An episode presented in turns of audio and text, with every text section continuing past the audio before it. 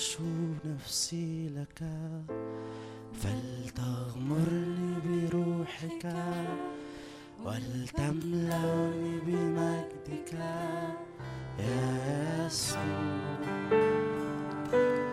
تعطش نفسي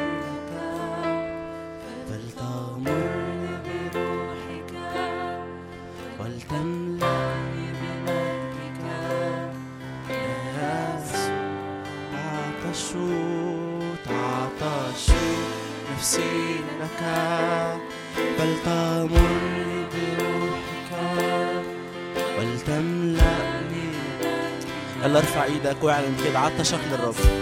اعلن احتياجك. تعطش تعطش مشتاقين يا رب لحضورك. مشتاقين لغمر يا رب من مياه روحك. آه.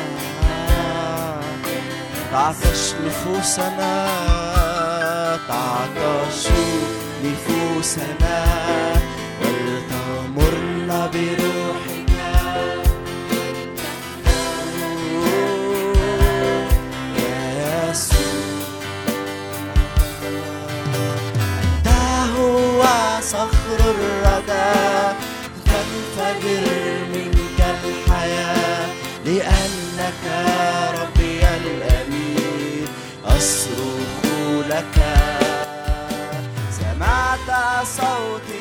العلا فتستجيب من السماء أنهار مياه من عرشي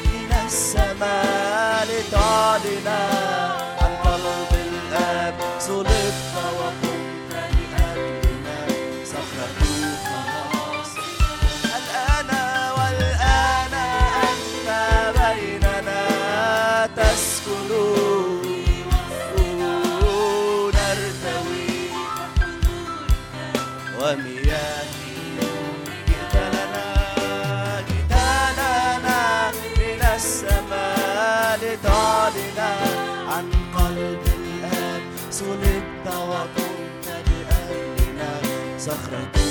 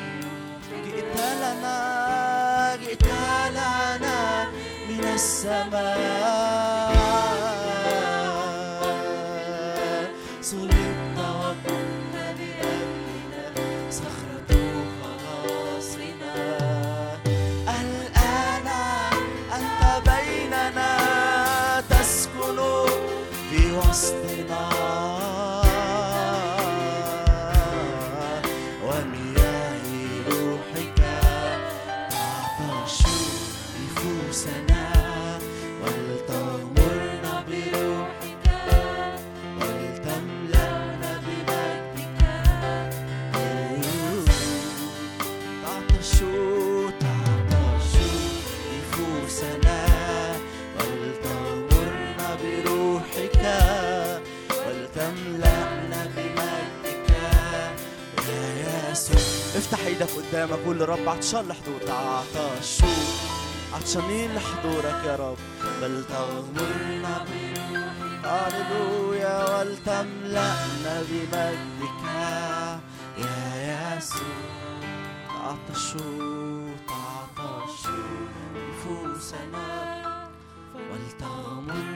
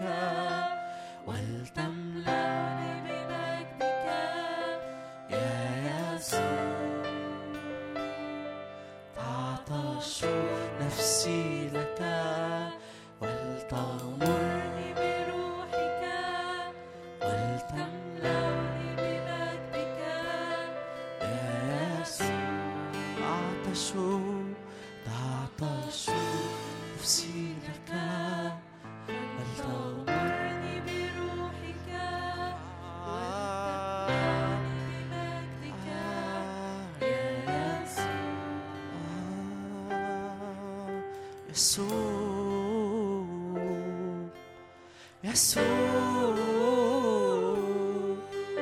Jesús, Jesús, ah, Jesús, Jesús.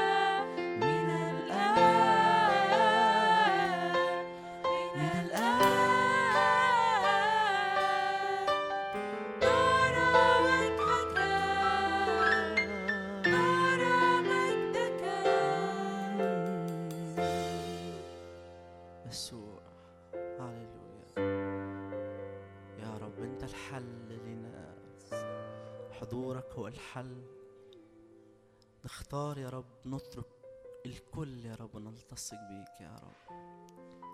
حضورك هو الحل لحياتنا. حضورك هو الحل. هاليلويا. يا رب بنجمع بنجمع تركيزنا بنجمع حياتنا. يا رب وبنحط الكل عند أقدامك يا رب. حط الكل عند أقدامك. نحط الكل عند أقدامك يا رب. هاليلويا هاليلويا هاليلويا هاليلويا يسوع هو الدواء هو الشفاء هو الراحة هو التعزية. مبارك اسمه. هاليلويا هو الملجأ. هو الملجأ هاليلويا يسوع هو الحل. هو الحل. هو الرحب. هو الرحب. يسوع هو هو الرحب. هو الاتساع. هو الاتساع. مبارك اسمه إلى الأبد. مبارك اسمه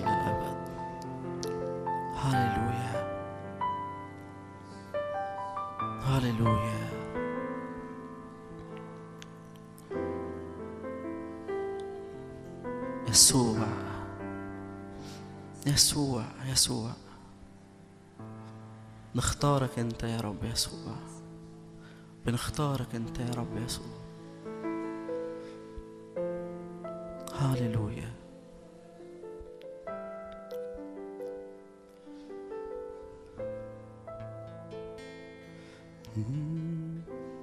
يسوع المسيح.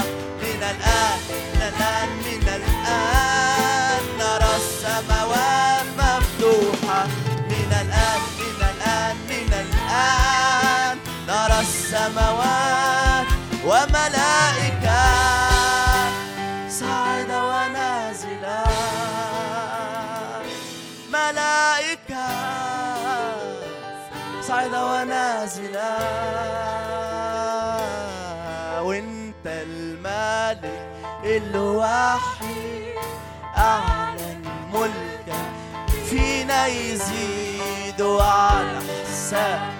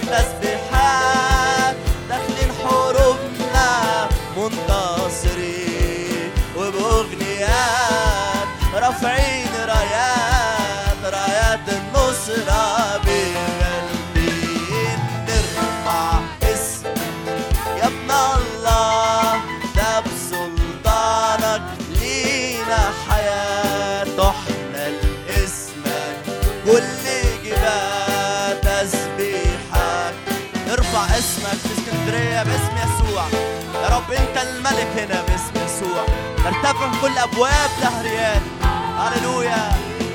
آه،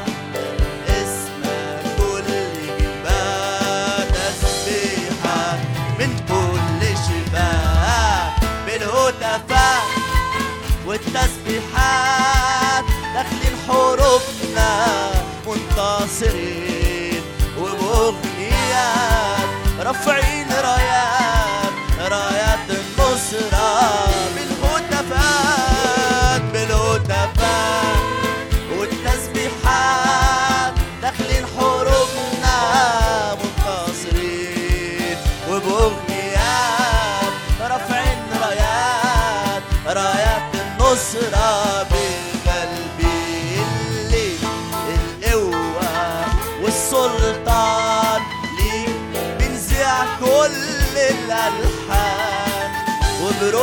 hug.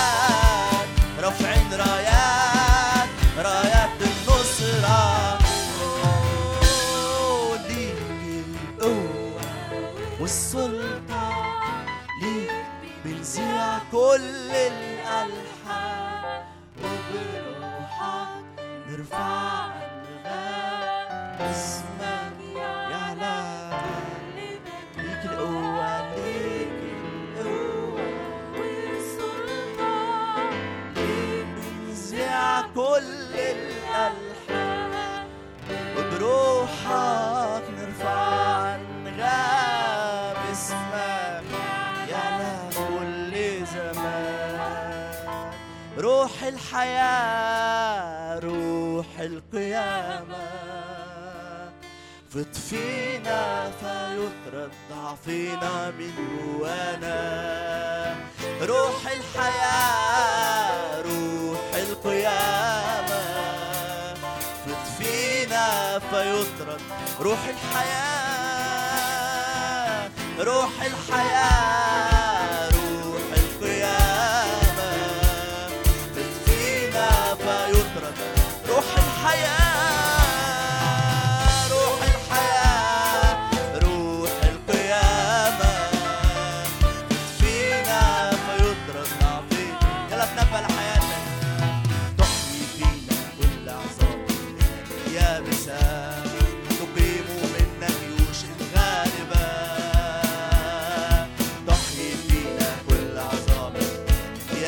answer.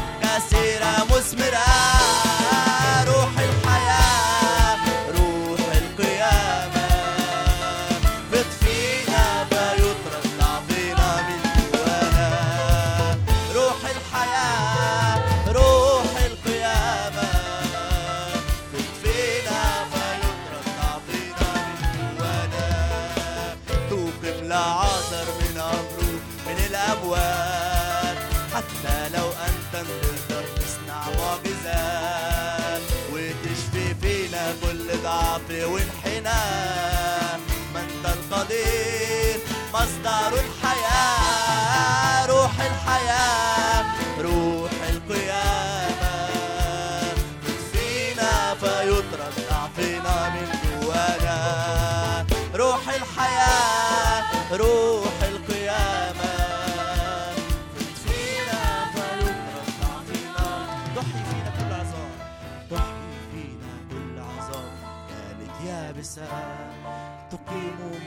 جيوش غالبة. تحيي فينا تحيي فينا كل عظام كانت يابسة تقيم منا جيوش غالبة.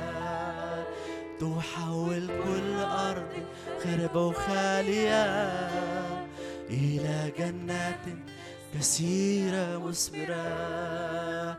تحول كل أرض خربة وخالية إلى جنات كثيرة مثمرة روح الحياة روح القيامة. فتفينا باسم الرب يسوع نهاية لكل ضعف روح الحياة روح الحياة روح القيامة. فتفينا فيطرد تقيم العذر تقيم العذر من قبره الأموات حتى لو أنت تقدر تصنع معجزات وتشفي فينا كل ضعف وانحنى ما أنت القدير مصدر الحياة روح الحياة روح القيامة. فت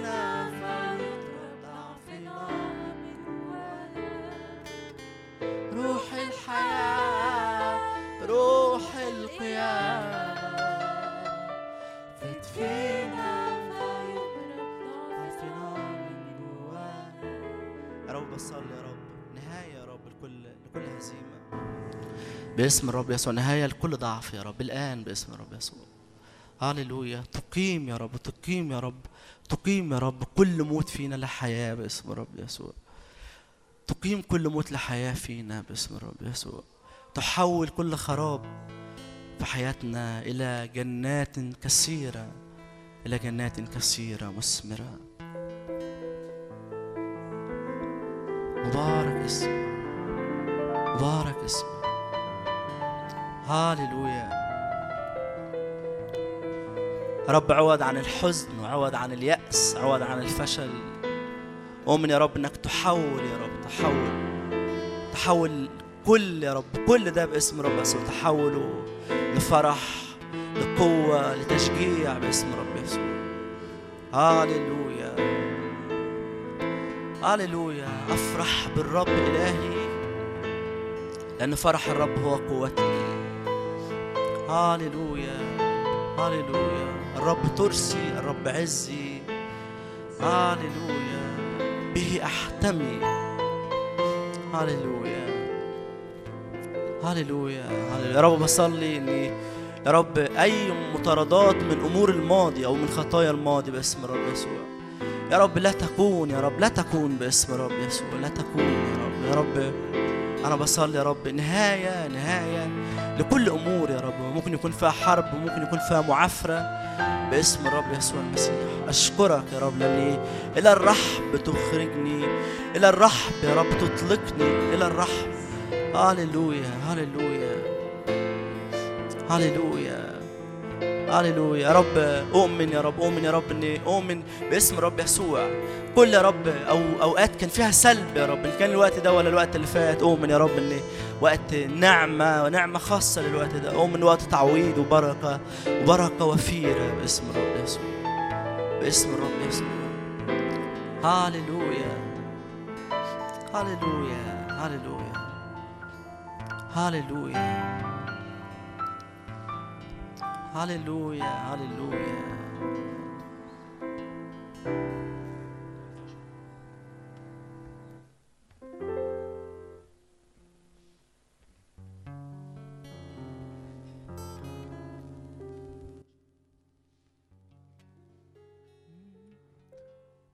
الرب صار لي خلاص مجدي ورا فراسي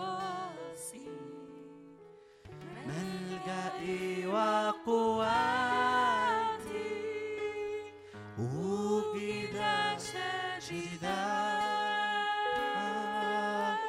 الرب صار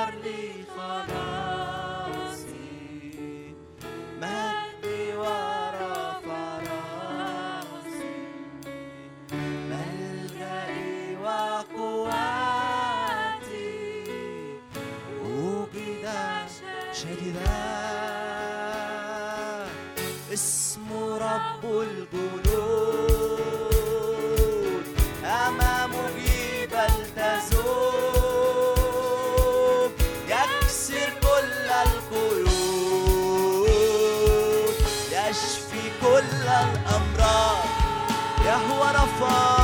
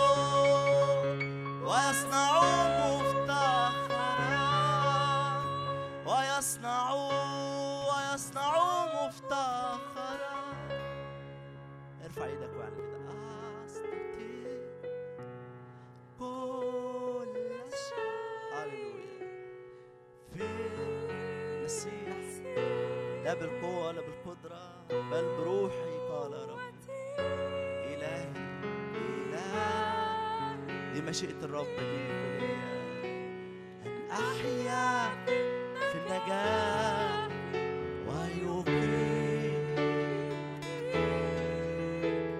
على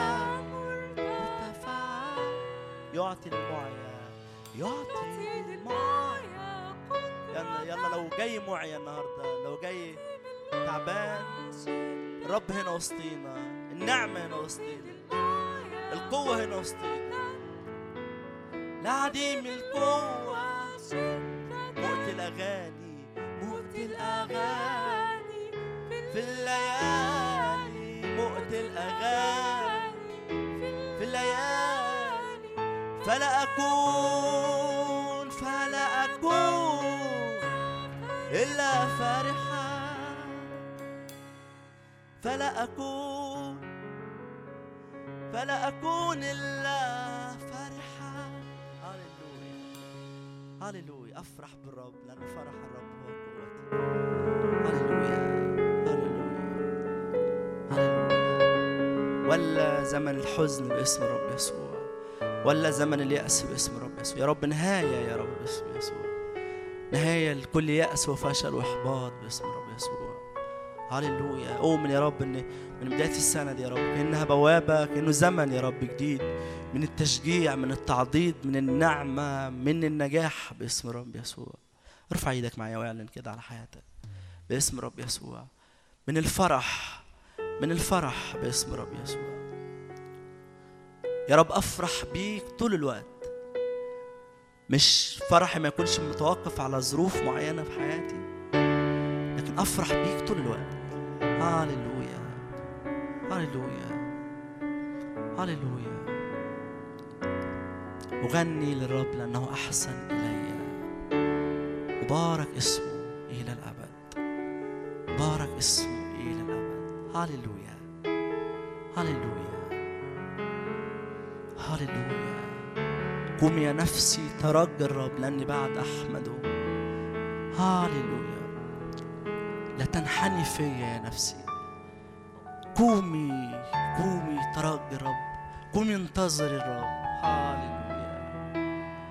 هاليلويا هاليلويا هاليلويا يا رب أؤمن يا رب وقت يا رب وزمن جديد يا رب نرفع من كل من كل عبودية قاسية يا رب من كل مذلة باسم الرب يسوع باسم الرب يسوع هاليلويا نطلق يا رب في الحرية أؤمن يا رب نطلق في الحرية هاليلويا لا خزي يا رب على شعبك لا خزي على شعبك يا رب لا خزي على شعبك. هاليلويا هاليلويا يا رب أؤمن يا رب إن ما نكونش مؤمنين بتوع مواسم يا رب. وقت ما الظروف يا رب أو حالتنا تكون كويسة نكون فرحانين ملتصقين بيك. لكن اؤمن يا رب إني نتبعك يا رب نتبعك يا رب نتبعك يا رب. نمشي وراك نمشي وراك يا رب نمشي وراك نتبعك. يا رب قلوبنا بالكامل يا رب قلوبنا بالكامل يا رب تلتصق بيك باسم الرب يسوع. هاليلويا هاليلويا يلا صلي معايا صلي معايا صلي معايا. هاليلويا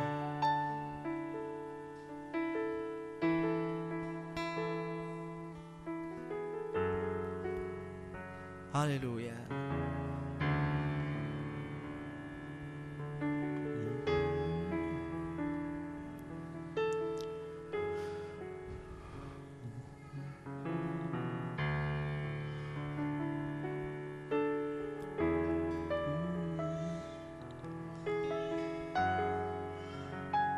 غلب يسوع. الحزن غلب يسوع اليأس. غلب يسوع المرض في الصليب. هاليلويا باسم الرب يسوع. رب سلام أزمنة مليانة بالسلام. باسم الرب يسوع. سلام. باسم الرب يسوع. لا اضطراب. باسم الرب يسوع. هاليلويا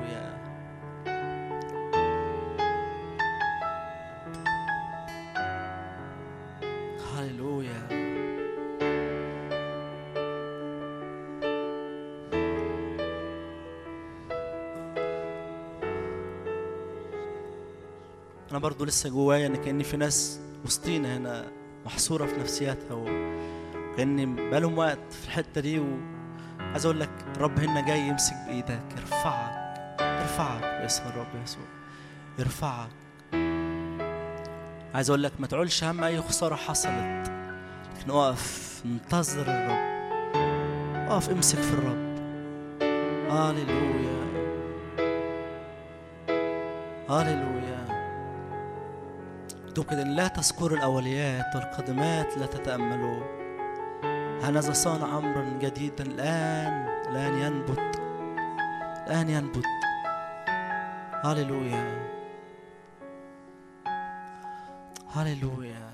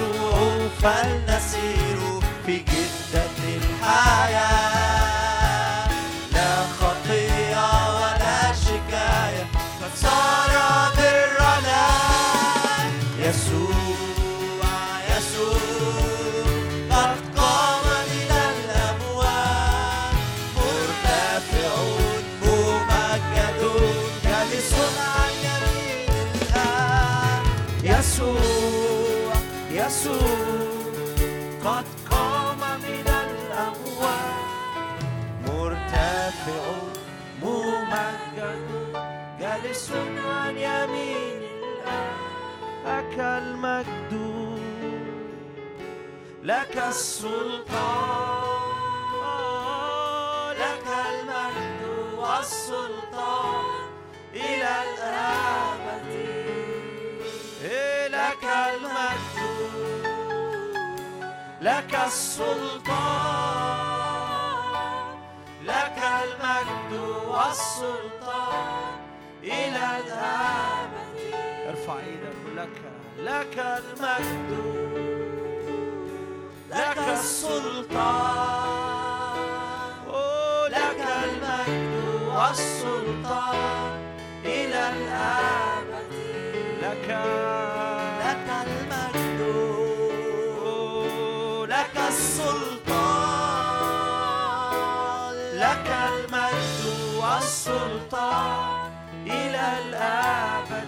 لك المجد لك المجد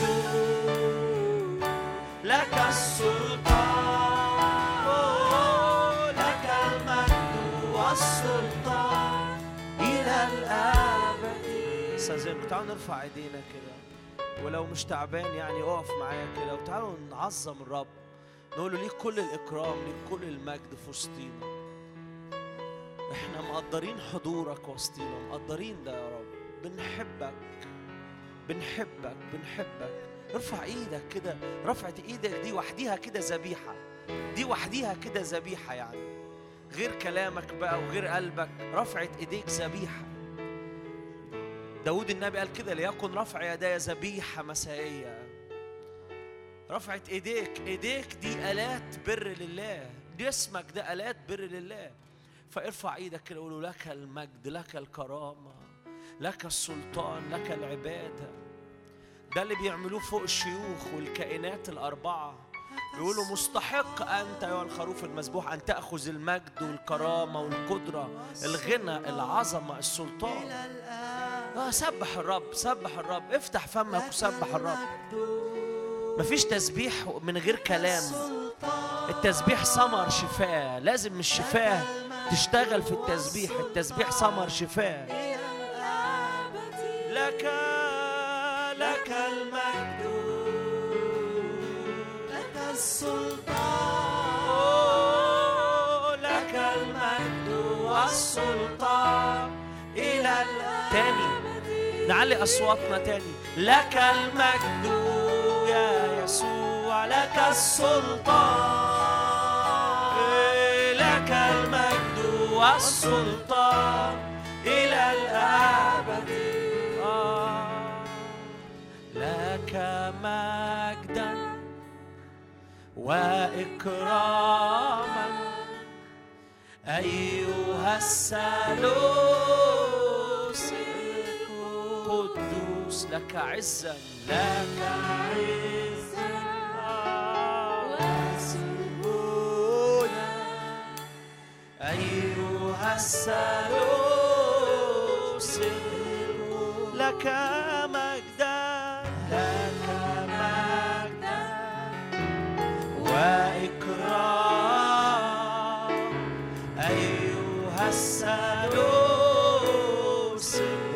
عبر عبر عن حبك للثالوث عبر عن إكرامك للثالوث عبر عبر.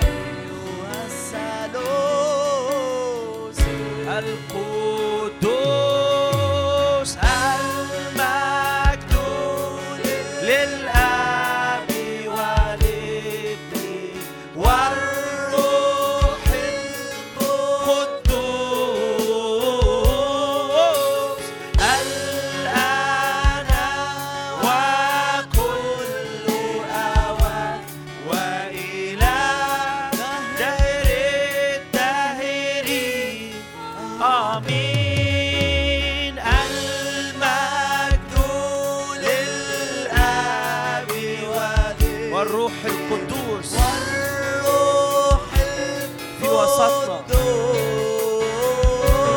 وسطنا في وسطنا.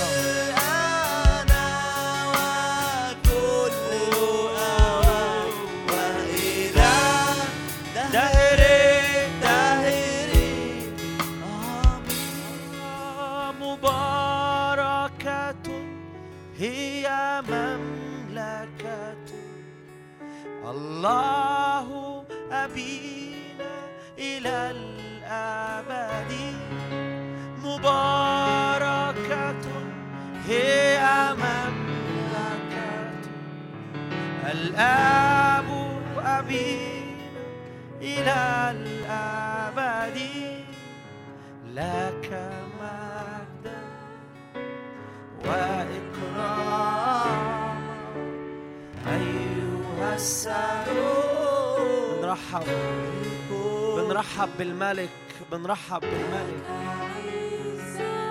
بالسجود بخشوع باتضاع باحتياج بنرحب بيك. بنرحب بيك يا ملكنا. بنرحب بالمملكة السماوية. بنرحب بسحابة الشهور بنرحب بالملائكة القديسين. بنرحب بأرواح الأبرار المكملة. بنرحب بنرحب. بنرحب بنرحب. لتكن القاعة دي يا رب حتة من السماء ليكن المكان ده حتة من السماء وتستعلن فيه بكل قوتك.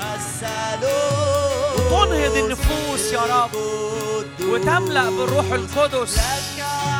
وتشعل وتشعل. هللويا هللويا. ارفع ايديك ارفع ايديك كده معايا وقول برحب بحضورك. أنا برحب بحضورك. مش باعتيادية مش بتدين مش بكسل مش برخاوة. أنا برحب بحضورك وأنا أؤمن إن في شيء عظيم هيحصل جوايا النهارده. في عمل عظيم من الروح القدس في حياتي النهارده. انطق الكلمات دي.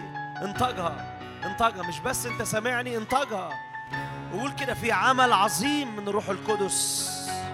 في عمل عظيم من الروح القدس في حياتي. هللويا.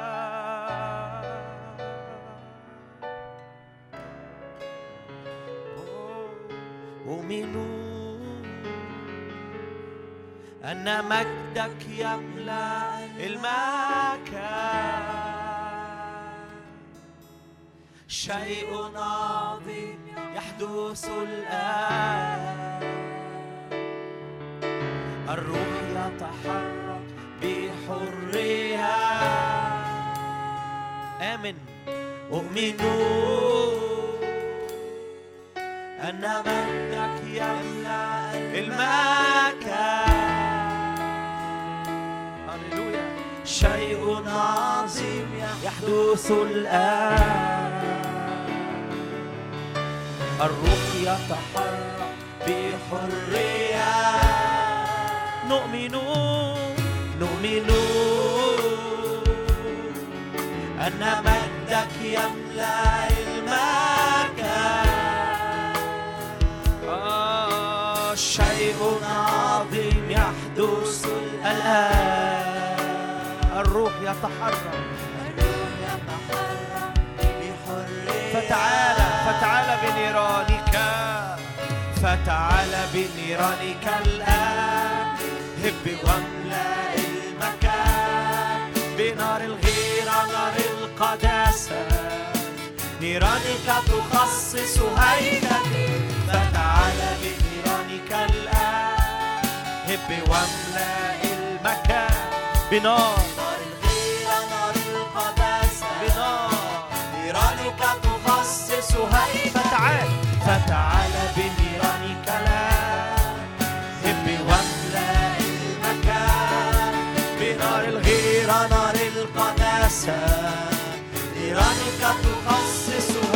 هيكلي هب يا روح الله هب كالرياح املأ بيتك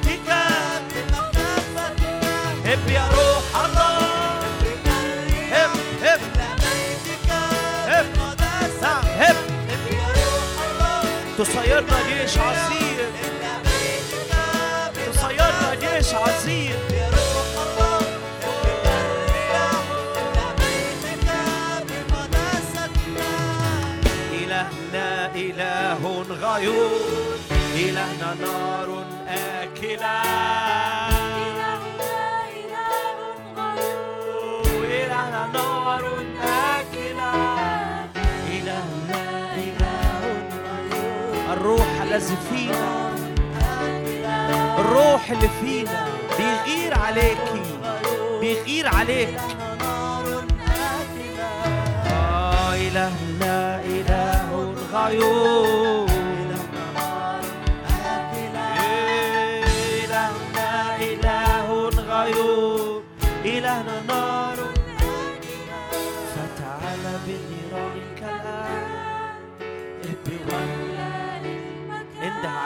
نادي عليه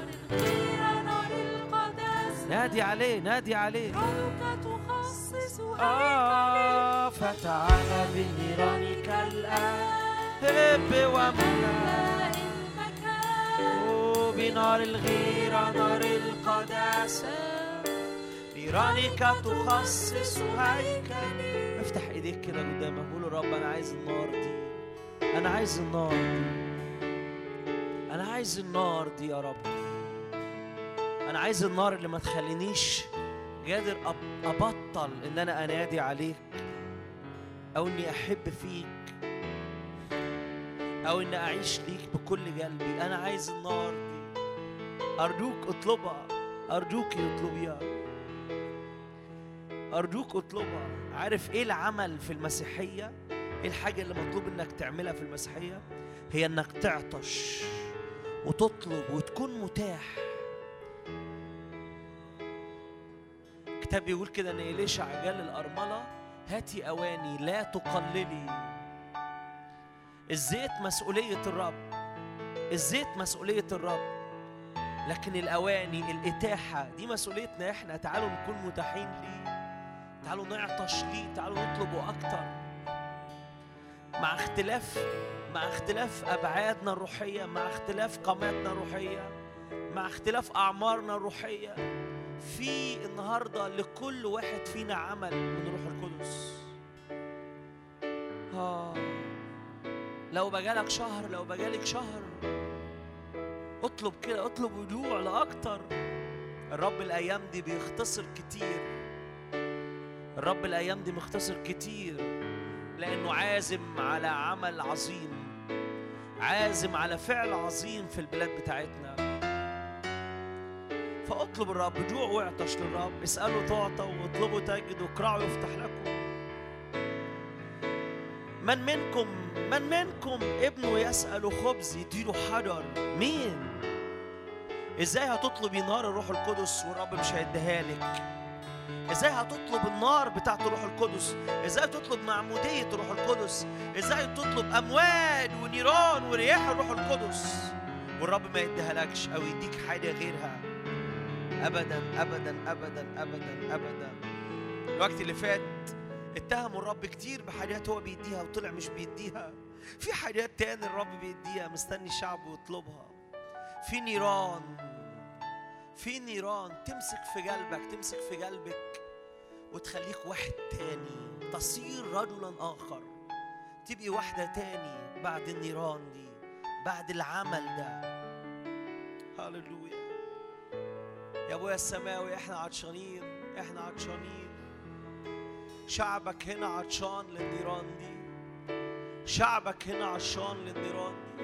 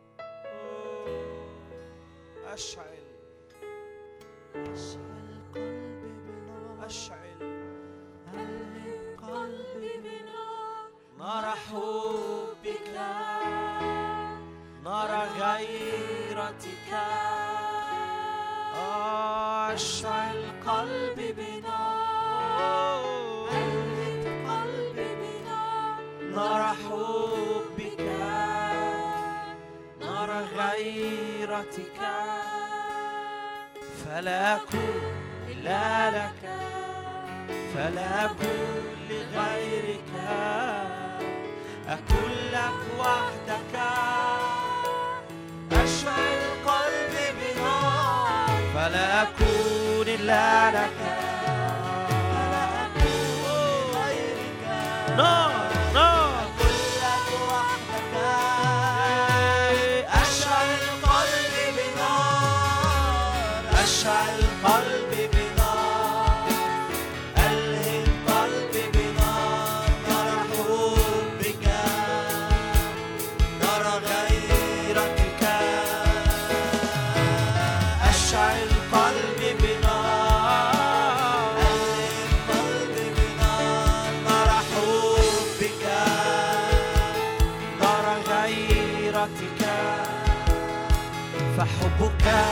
أقوى من الموت غيرتك أقسى من الهاوية مياه كثيرة لا تستطيع أن تطفئ. نار حبك فحبك أقوى من الموت غيرتك. أقسى من الهاوية مياه كثيرة لا تستطيع أن تطفئ. نار حبك أشعل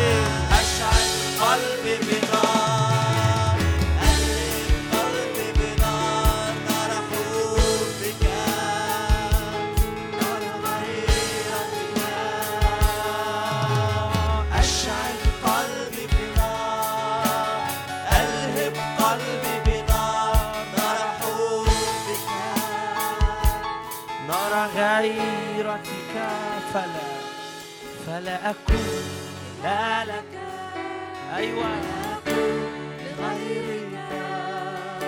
أكون لك وحدك أشعل قلبي بنار فلا أكون لا لك فلا أكون لغيرك.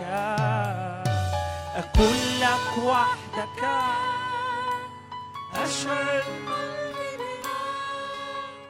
أشعل قلبي بنار حط إيدك على قلبك وأنت بتقولها قلبي بنار اعلان إيمان. انك مصدق.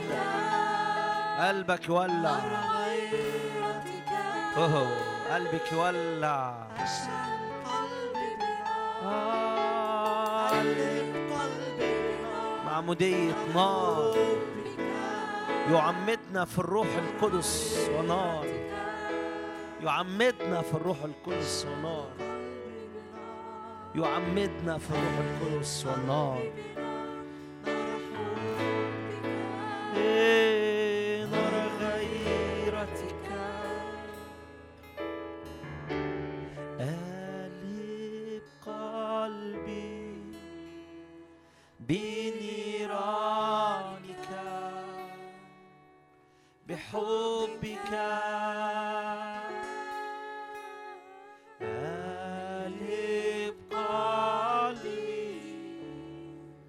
بنيرانك بحبك. ألهب ألهب قلبي بنيرانك بحبك. أؤمن يا رب إن في حركة من روح القدس علينا. واحد صلى بجوع وعطش. أؤمن إن في نار تنزل على ذبايحنا ينزل على كل واحد وكل واحدة فينا. ومن إن وقت الكلمة وقت اشتعال النار أكتر. اشتعال لأنه كلمتك كنار. كلمتك كنار.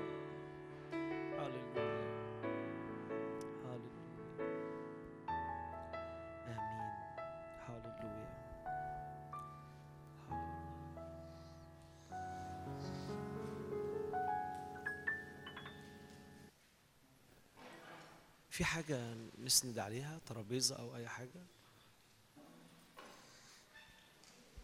هاليلويا. هاليلويا. هاليلويا. معروف إن الشخصية الإسكندرانية مش شخصية هادية. تمام؟ فما تعملوش هادين يعني أوكي؟ هاليلويا. شكرا خالص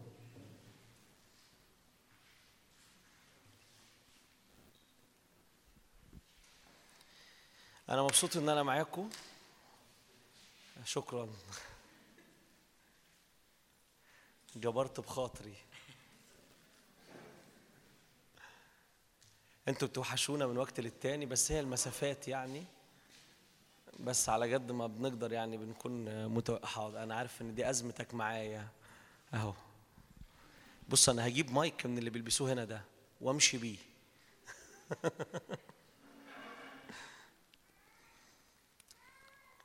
بس إحنا دايما بنصلي لكم. وأنا بحب الخدمة وبحب ال- الحياة الجديدة يعني. الحياة الجديدة اللي أنا خدتها والحياة الجديدة اللي هي الخدمة يعني. آه، في كل مكان بصراحة هم مؤثرين. في كل مكان بيعملوا حاجة حقيقية. أنا فارق معايا مجيتهم من القاهرة. آه، كل كل شوية يعني كل أسبوع. ف فانا متأكد إن التعب ده أكيد أكيد ليه ثمر. آمين. أنا دايما بحب ال ال ال الاوجات بتاعت الحفر دي. يعني ملكوت الله مش بومب يعني. ملكوت الله مش بتاع فرجع يعني. عارفين أنتوا عارفين الألفاظ دي صح؟ مش بروباجندا يعني. تراك كده حاجة كبيرة هوب مرة واحدة. لا. ملكوت الرب دايما لازم يتحفر له ويتجهز له وده بياخد وقت وعرج وبياخد ليالي من اليأس والإحباط وال- والتعب و... بس ال ال يعني ال- المحسوم في ملكوت الله إن كل تعب وليه مكافأة وليه ثمر. دايما الزرع ليه علاقة بالدموع. يعني الكتاب دايما يتكلم يقول كده يقول الذاهب ذهابا بالبكاء حاملا مبزر الزرع مجيئا يجيء بالترنم حاملا حزمه. فأنا أؤمن إن آه، اوجات الحفر دي الاوجات اللي إحنا فيها بنحفر وبنعد وب- وبنشتغل دي الاوجات اللي ممكن يكون مش بيبان فيها حاجات من اللي هي بتاعت ال- ال- الحاجات القوية دي الحاجات دي غالية خالص على قلب الرب. آمين. عارفين ملكوت الرب الملكوت بتاع الرب يعني هو بيطلع كده مش يعني أنا دايما أقول للشباب كده وبقول لنفسي ده أفكر نفسي بيه كتير يعني. يعني ياما الرب ياما. كان يش عارف أنت لما يبقى حصان بيجري كده وتروح ساحب عليه ال... ياما الرب سحبني كده اهدى بالراحة واحدة واحدة. لأن ال ال ال الملكوت بيطلع واحدة واحدة بيصعد واحدة واحدة. وده اللي أنا على قلبي اشارككم بيه النهارده. أمين؟ أمين؟ ممكن نبص في دانيال اتنين مع بعض؟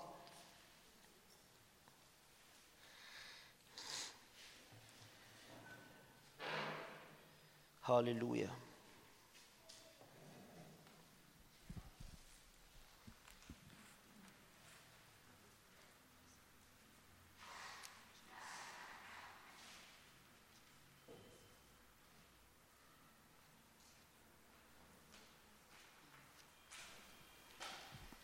واحد عدد واحد.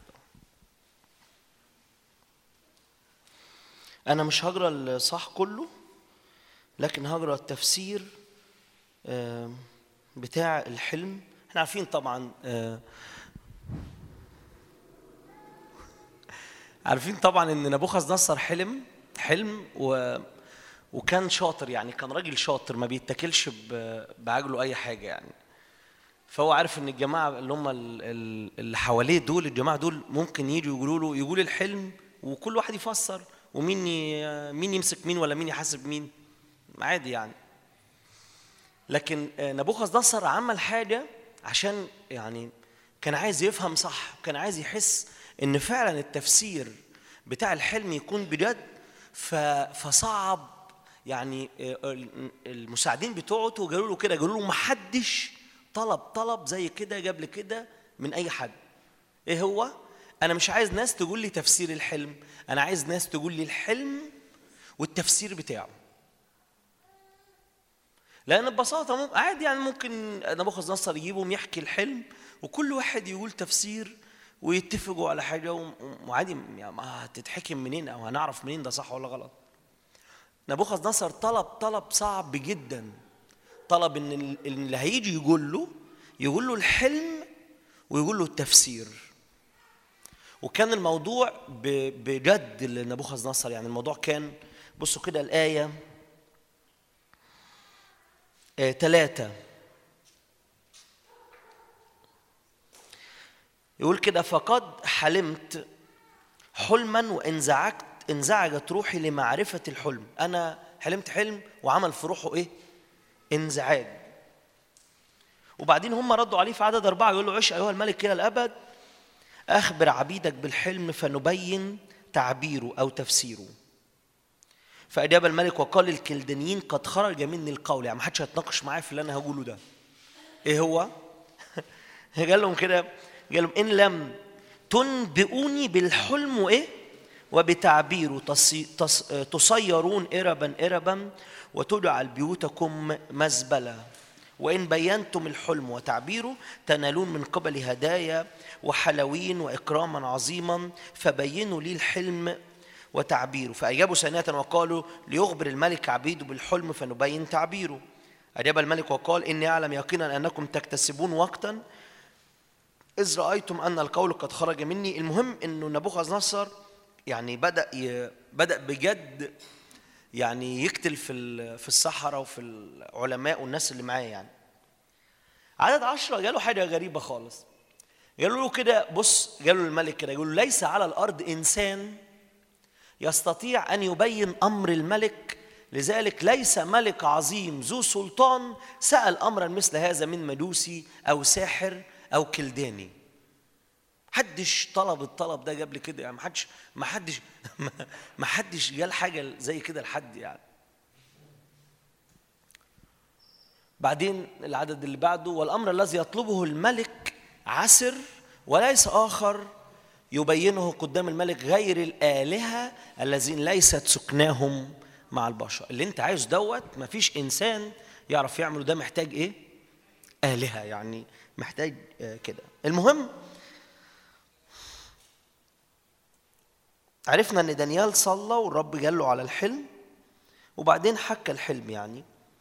عدد 31 أنت أيها الملك كنت تنظر إذ بتمثال عظيم هذا التمثال العظيم البهي جدا وقف قبالتك ومنظره هائل رأس هذا التمثال من ذهب جيد صدره وذراعاه من فضة بطنه وفخذاه من نحاس ساقاه من حديد قدماه بعضهما من حديد والبعض من خزف.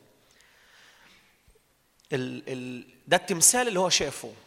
شاف آه، الراس الكتاب بيقول كده إن شاف الراس ذهب جيد. الصدر والدراعات من فضة. البطن وفخذان من نحاس ساقاه من حديد. قدما بعضهما من حديد والبعض من من خزف. ولو إحنا عايزين يعني لو أنا آه، أنا مش هحكي طبعا تفسير الحلم كل كل الحلم لكن أنا عايز أروح للحجر. آمين؟ آمين؟ لأن الحلم ليه كمالة. بس هقول لك الأول ال- الحاجات دي. الراس اللي من ذهب هو قال له كده دانيال قال له دي مملكتك مملكة بابل. الصدر والذراعان فضة ده مادي وفارس لو أنت عايز تكتب يعني الحاجات دي. البطن والفخذان نحاس دي مملكة اليونان. الساقان حديد دي الدولة الرومانية. الأصابع حديد وحديد وخزف دي ال- ال- الممالك اللي كملت من بعد المملكة الرومانية إلى الآن يعني ممالك كتيرة خالص ودول كتيرة خالص يعني. أنا مش ده اللي شاغلني يعني بس اللي شاغلني أنا ال- ال- اللي حصل بعد كده. يقول كده في عدد 14 كنت تنظر إلى أن يعني أنت كنت باصص للتمثال لحد إلى أن. عدد أربع- 34 أنا آسف مش 14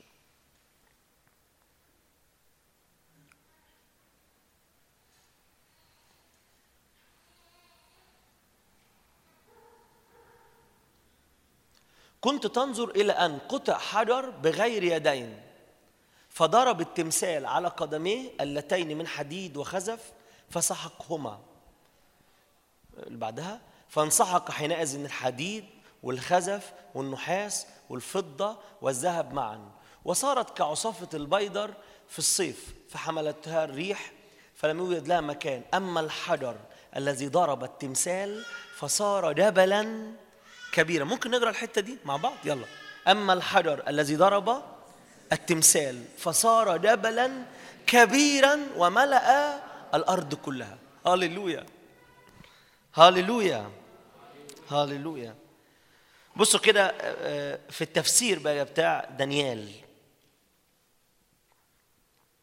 عدد 44 إيه إيه قصة الحجر ده؟ 44 وفي أيام هؤلاء الملوك يقيم إله السماوات مملكة لن تنقرض أبدا. خلي بالك مستحيل يكون بيتكلم هنا عن مملكة إسرائيل صح؟ لأنها already ها قولوا معايا already كانت؟ هي أصلا كانت موجوده دانيال ده دانيال يعني راح السبي. دانيال يعني يعني كان جاب له المملكتين الشمالية والجنوبية فهو اوريدي كانت مملكة إسرائيل موجوده هو بيتكلم عن مملكة تاني. آمين؟ بيتكلم عن إيه؟ مملكة تاني. مملكة لن تنقرض ابدا. وملكها لا وملكها لا يترك لشعب آخر. الكلام ده ما ينفعش خالص خالص يتحط على مملكة إسرائيل لأن في ناس بتقول ان دو- دي دي مملكة آه، إسرائيل يعني أو يهوذا أو أو أي مملكة يعني. لأ لأنه ملك إسرائيل اتاخد من زمان يعني اتاخد من ناس كتير يعني. فدي المواصفات بتاعت المملكة دي مش قائمة على أي مملكة أرضية. ملكها لن يترك لشعب آخر. وتسحق وتفني كل هذه الممالك وهي تثبت إلى الأبد. اللي بعده لأنك رأيت أنه قد قطع حجر من جبل لا بيدين. فحته الحجر اللي اتقطع مش بإيدين ده بيشير شوية إن المملكة دي مفيش فيها أي تدخل إنساني أو تدخل بشري. المملكة دي يعني هي من ناحية ال... من ناحية هي جاية منين؟ لا هي من غير يدين. تخص شوية إنها جاية من فين؟ من السماء يعني. فسحق الحديد والنحاس والخزف والفضة والذهب الله العظيم قد عرف الملك ما سيأتي بعد هذا. الحلم حق وتعبيره يقين. أنا أنا لما بقرأ الحتة دي أو لما بشوف ال- ال- الجزء دوت اللي بيتكلم عن ملكوت الله بيتكلم عن ملكوت السماوات أنا بنبهر وبزعل. بيحصل الاثنين يعني. بنبهر لأنه الحق أو الكلمة بتقول إنه ال- ال- الحجر اللي اتقطع ده هيبقى إيه؟ قولوا معايا. هيبقى إيه؟ جبل عظيم. تاني يلا قولوا معايا. الحجر ده هيبقى جبل عظيم. بس لما تبص في الواقع بتاعنا إحنا دلوقتي أو تبص في اللي حاصل وسطينا أو وسط الكنايس أو وسط المؤمنين هتلاقي إن الحجر بي- يعني حجر بيتعمل له كده. يعني بينكمش. يعني ده رأيي. لو انت عندك رأي تاني أمين يعني. بس أنا بقول لك من اللي أنا شفته أو من اللي أنا شايفه يعني. إنه اللي حاصل في الوقت ده لو هتكلم بس عن اسكندرية محتاجين الحجر اللي اتقطع ده. محتاجينه في اسكندرية يصير جبل عظيم جبل كبير. على فكرة موضوع الجبل ده يعني بس أنا مش عايز أروح لآيات كتير بس قصة الجبل دي قصة كبيرة يعني. بس لما ببص على اللي حاصل دلوقتي في الأرض بتاعتنا ببص في المنيا ببص في القاهرة ببص في في اسكندرية ببص في أي مكان أنت محتاج محتاج تبص وتشوف. لو بس لو يعني أنا دايما بعدي عندنا كده على الكورنيش عندنا آه، مبنى المحافظة. المبنى بتاع المحافظة محطوط عليه آه، شاشة كده كبيرة فيها أرقام ال- السكان في المنيا. عندكم كده؟ طيب. ماشي. ما ما فلتش برضه. ممكن تدخل تعرف الرقم يعني. بس أنا لما لما بعدي من قدام الرقم ده الرقم ده دلوقتي داخل على 7 مليون يعني. بس فهو 6 مليون ونص أو 7 إلا يعني. بس لما بنبص على الرقم ده تقدر تشوف وضع الحجر. لما بقعد أسأل نفسي السؤال ده ممكن كم واحد كم واحد في المنيا لما تسأل نفسك السؤال دوت كم واحد في اسكندرية يعرف الرب؟ كتير بنصلي بنقول للرب مران آسى أمين تعالى أيها الرب يسوع. يجي يروح فين؟ لما تقعد تبص على الحق تبص على الكلمة وهي بتتكلم إن الحجر اللي اتقطع ده هيقيم إله السماوات مملكة لن تنقرض. مملكة م- م- مش هتضعف المملكة دي المفروض إنها هتعمل إيه؟ هتنمو وتكبر لحد ما تبقى جبل عظيم. وبهاء المملكة دي وعظمة المملكة دي هيبقى مش زي الممالك دي كلها يعني يعني عارف أنا ببارك الرب إن المملكة بتاعت الرب ما تحطش ما اتحطتش في التمثال. هي ما اتحطتش في التمثال. هي طحنت التمثال يعني يعني لما تبص للمملكة دي وللبهاء بتاعها ال ال وهو قاصد بالحاجات دي لأن كل مملكة من دول اتهدت. كل مملكة من دول ملكها اتاخد. كل مملكة من دول يعني ملكها مشي. إلا المملكة اللي إله السماوات أقامها مش لسه هيقيمها هو أقامها. الرب يسوع كان بيروح ويكرز يقول توبوا لأنه قد اقترب ملكوت السماوات. كان بيتكلم عن الحجر. والرب يسوع هو الحجر اللي قطع من غير يدين. والرب يسوع هو الأساس بتاع المملكة دي. بس إحنا ككنيسة وكمؤمنين أنا دي دي الصرخة أو دي دي المشاركة اللي جوايا. أنا كمؤمن فيني من وضع الحجر اللي المفروض يصير جبل عظيم؟ يصير جبل كبير. أنا فيني من البناء اللي الرب عايز يبنيه وعايز يعمله في الأرض؟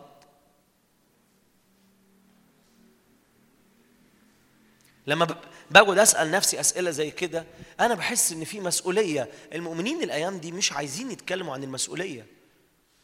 وتحس إنه أنا يعني عارفين أنتوا كل حاجة الرب هيعملها. مين اللي قال الكلام ده؟ ربنا اللي نزل في في سفر نحامية بنى الأسوار.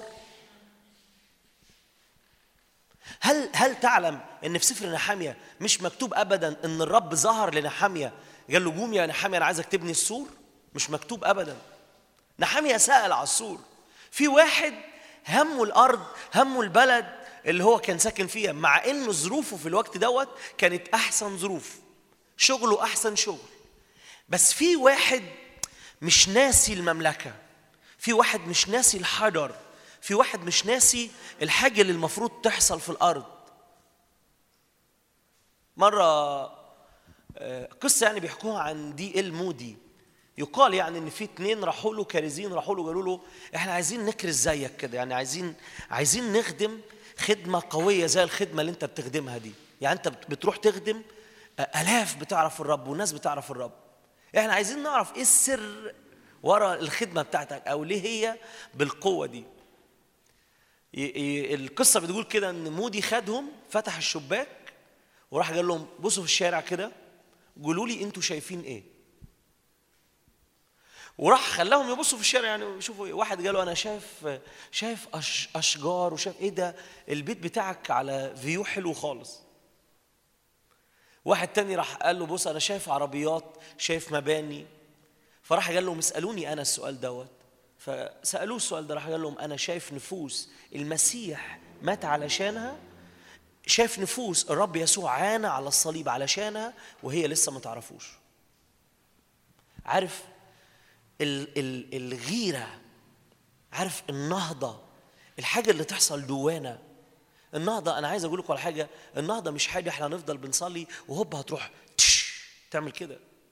النهضة ده شعور خفيف خالص خالص خالص خالص خالص خالص بيترمي جواك من الروح القدس في كل مرة بتقعد تصلي أو في كل بش بشكل بجد بشكل حقيقي. ده شعور خفيف كده بيتحط جواك وإن اهتميت بيه وإن راعيته وإن خدت بالك منه هي هي هيضرم بحس إن هو ممكن يكون في وقت من الأوقات زي شمعة. يعلى معاك يكبر معاك يكبر معاك يزيد معاك لحد ما تتحول تبقى مجنون يعني تبقى مجنونة. تبقى يبقى ملكوت الله يبقى الحجر اللي اتقطع مش بايدين انسان ده يبقى الموضوع ده هو قضيتك في الحياة هو ده اللي أنت بتفكر فيه هو ده اللي لافف حواليه كل حاجة أنت بتعملها. أنا عايزك تاخد بالك من من الشعور ومن الحاجة اللي بتتحرك حواليك أو جواك وأنت بتصلي أو أنت قاعد قدام الرب أو أنت فاتح الكلمة. أنا بتغاظ أنا بت... أنا متعجد متعجد يا جماعة من سفر أعمال الرسل متعجد منه. ولما بحس نفسي ببرد كده أجراه أتعصب وأتنرفز و... لأن أعمال الرسل مكتوب فيه آيات يمكن في حياتي وفي وفي الخدمة اللي إحنا بنخدم فيها شفنا كتير حاجات بتحصل. بس في حاجات حصلت في أعمال الرسل أنا لسه ما شفتهاش فبحس بقول للرب يا رب أنا عايز أعيش عايز أعيش وأشوف الآية بتاعت وكان الرب كل يوم يضم للكنيسة الذين يخلصون. لما تقرأ عن واحد زي بولس الكتاب بيقول عنه في أفسس إن بدأ الرب يصنع على يديه قوات غير المعتادة وكأن بيجي فيه قوات معتادة عادية راح الرب بدأ يعمل قوات غير المعتادة. فين إحنا من الآيات دي؟ فين إحنا من الكلام ده؟ ولأنه أكتر حاجة عشان خاطر أريح نفسي وضميري يرتاح أبدأ أروح لتفاسير وأبدأ أروح لشروحات تنيمني أكتر. أنا بحس إن في تفاسير هي حجن يعني. نام. يعني الكلام اللي بيتقال إن إن النفوس والنهضة يعني الكلام ده عكس ما بيتقال. يقول لك في الأيام الأخيرة الناس. الشر هيبقى عظيم الشر هيبقى كبير ومش عارف إيه إنتوا بتنادوا بإيه؟ ما فيش نهضة. ده مكتوب ابن لعل ابن الإنسان يأتي ويجد إيمان على الأرض. ده لما الرب يسوع هيجي فين وفين لما يلاقي إيمان؟ نعم. ولا الحتة بتاعت الباب الضيق؟ ما هو أصل ملكوت الله ده باب ضيق هيدخل منه قليلين لكن بتاع الضلمة ده باب واسع هيدخل منه كتار وبنبدا نروح لشوية آيات ونطلعهم بره السياق بتاعهم ونفهمهم غلط فيعملوا فينا إيه؟ يريحونا ويخلونا نرتاح ونتبسط. والنار الشمعة اللي طلعت جوانا دي تروح تبرد. مع إن كل النبوات وكل الكلام في في كلمة الله بيتكلم إن الجبل ده مش هيروح ويضعف. النبوات نبوة دانيال بتقول إن الجبل ده هيطلع وهيبقى جبل عظيم. مش إنه هيفضل ماشي. يعني إيه؟ أعمال الرسل كان كان كنا على الخامس يعني. هوب انزل. هوب انزل. هوب انزل. هوب. لحد ما دخلنا لل level بتاع اللي هو المكسحين. عارف ال level بتاع المكسحين ده؟ ده مش حقيقي. اللي شافه دانيال بيقول عكس كده. اللي شافه دانيال بيقول إن ملكوت الله هيعمل إيه يا جماعة؟ قولوا معايا. هيعمل إيه؟ ها؟ هيصير جبل عظيم. الرب يسوع حكى كذا مثل وقال يشبه ملكوت السماوات. عارفين؟ ست عملت خميرة. يقول كده يقول إنه خبأتها لحد ما اختمر العجين كله. دايما الأمثلة والتشبيهات بتاعت ملكوت الله بتحكي إن ملكوت الله بيروح يقوى بيروح يكبر. تقول لي أمال ليه الحاجات دي مش حاصلة دلوقتي؟ عشان ده ما بيحصلش اوتوماتيك أمين؟ ده ما بيحصلش إيه؟ اوتوماتيك ما بيحصلش لوحديه كنت برضو بحكي مع الشباب في حاجة بقول لهم يعني لما لما كانوا يعملوا نهضة في الكنيسة وناس تعرف الرب فلما كنا نروح للخدام يعني لما لما كنت أروح للجسيس اللي دعانا في الكنيسة دي بعد ما الناس جت للرب نقول له الناس دي محتاجة تلمذة محتاجة متابعة محتاجة ناس ترعاها ناس تحتضنها. كنت دايما أسمع آية وكانت تسكتني لحد ما رحت بصيت عليها اكتشفت إن هي مش كده. دايما يقول لك إيه؟ اللي من الله يثبت. نعم. نعم. يعني إيه؟ يعني بص يا أخ وديع اللي عرف الرب بجد اللي خد حاجة حقيقية هيكمل. بلح. بامانه عارف أكبر مثال؟ بص بص أكبر مثال وطبعا شادي أستاذ التاريخ يعني بس أكبر مثال روح بص على تاريخ الكنيسة وشوف اللي من الله ثبت ولا لأ. روح شوف عارف كنيسة أفسس؟ الكتاب التاريخ بيقول عن كنيسة أفسس إنها تقريبا كانت 54 ألف عضو. عارف يعني إيه رسول بولس؟ هي- هيسافر. يقول لك راح استدعى كسوس وشيوخ الكنيسة. كانت كنيسة كبيرة ميجا يعني كنيسة أعدادها كبيرة. عارف كنيسة أفسس دي فين دلوقتي؟ مش موجودة. إيه ده؟ هو مش اللي من الله يثبت؟ دي عارف لو قلت بس اللي من الله يثبت غملائيل قال كده على التلاميذ وكان في نفس الوقت التلاميذ دول بيصلوا بيكرزوا واقفين. ففعلا ال- اللي كان من الرب في حياتهم عمل إيه؟ ثبت وكمل. أنا لما أبص على نبوات زي كده أنا ما ينفعش أجي في كده. إحنا ما عندناش قدرية ما عندناش قضاء وقدر. على فكرة ممكن ربنا يوعدك بحاجات وما تحصلش. الكتاب المقدس مليان بآيات زي كده. أبسط حاجة الناس اللي قال لهم انكم هتدخلوا أرض الموعد ما دخلوش. كله سمع الوعد في أرض مصر دخل اتنين.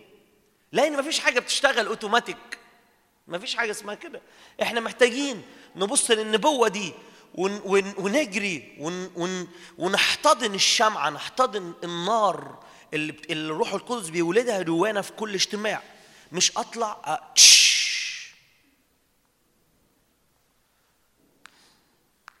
أنا قريت مثل الزارع اتصدمت مش عارف خدت بالك ولا لأ. عارف الأرض رقم واحد اسمها طريق.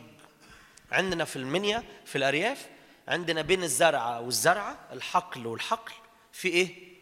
ممر. دي دي التربة رقم واحد. عارفين الكتاب يقول إيه؟ بيقول إنه التربة دي بتيجي طيور السماء تعمل إيه؟ ها تعمل إيه؟ تاخد الكلمة. أنت عارف طيور السماء دي طلعت إيه؟ الأرواح الشريرة. يا ربي الارواح الشريره تاخد الكلمة. كلمة الله الحية الفعالة الكلمة اللي كالمطرقة الكلمة النار الكلمة القوة الكلمة مش عارف إيه الكلمة الكلمة الكلمة الكلمة الكلمة الكلمة. قول من هنا للصبح طول ما هي طريق الكلمة دي هياخدها الشيطان عادي. وده المثل يعني مثل مثل يصدم. ليه؟ لأن مفيش حاجة في الكلمة بتقول إنه إنه ال- النبوات أو الحاجات دي بتحصل أوتوماتيك، في حاجات ربنا كلمك فيها، في حاجات ربنا كلمك فيها. هي مش عطلانة عشان لسه الوقت ما جاش، ممكن يكون في حاجات كده. بس في حاجات بتبقى عطلانة بسبب إن أنا فاهم إن هي هتشتغل أوتوماتيك وأنا قاعد كده ضامم إيدي ورايا وفاهم إن هي كده كده هتحصل، لا مش هتحصل بأمانة وممكن المسيح يجي وما تحصلش. وتقف قدام كرسي المسيح تقول له انت يا رب وعدتني. عايز بس اتأكد. أيوه ده كان وعدي فعلا. إيه ده؟ أنت مش حافظ العهد.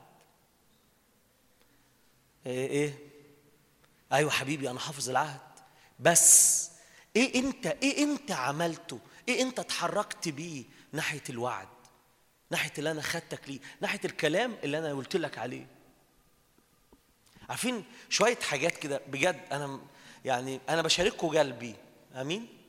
أنا في اي في بصوا في أي حاجة تبع الحياة الجديدة ما بحضرش وعظات. يعني أنا بروح بقول للرب الجماعة دول يا رب يعني إيه بيحبوا الايه الفريش يعني.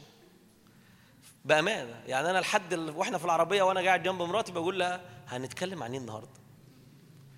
أنا بشاركك باللي جوايا يعني بس ولا حد جاي لي حاجة ولا أنت لو حاسس حاجة خبطت فيك هي. بتاعتك. آمين. لما بنقول آمين في المنيا أما يردوا علينا. بهنا تردوا؟ طيب. آمين. آمين؟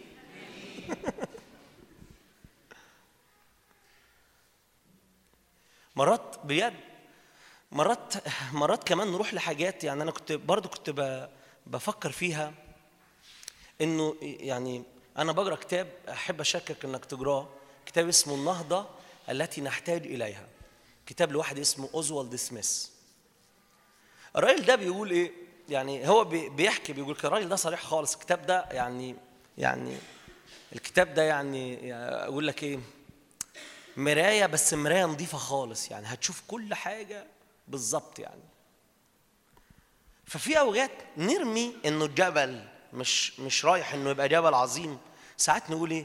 أصل إحنا في 2024 أصل الناس الأيام دي بقيت جاسيه على أساس إن الناس زمان كانت طيبة حنينة يعني. طب أنت هل تعلم إن الرب في تكوين ستة غرج الأرض بسبب الناس؟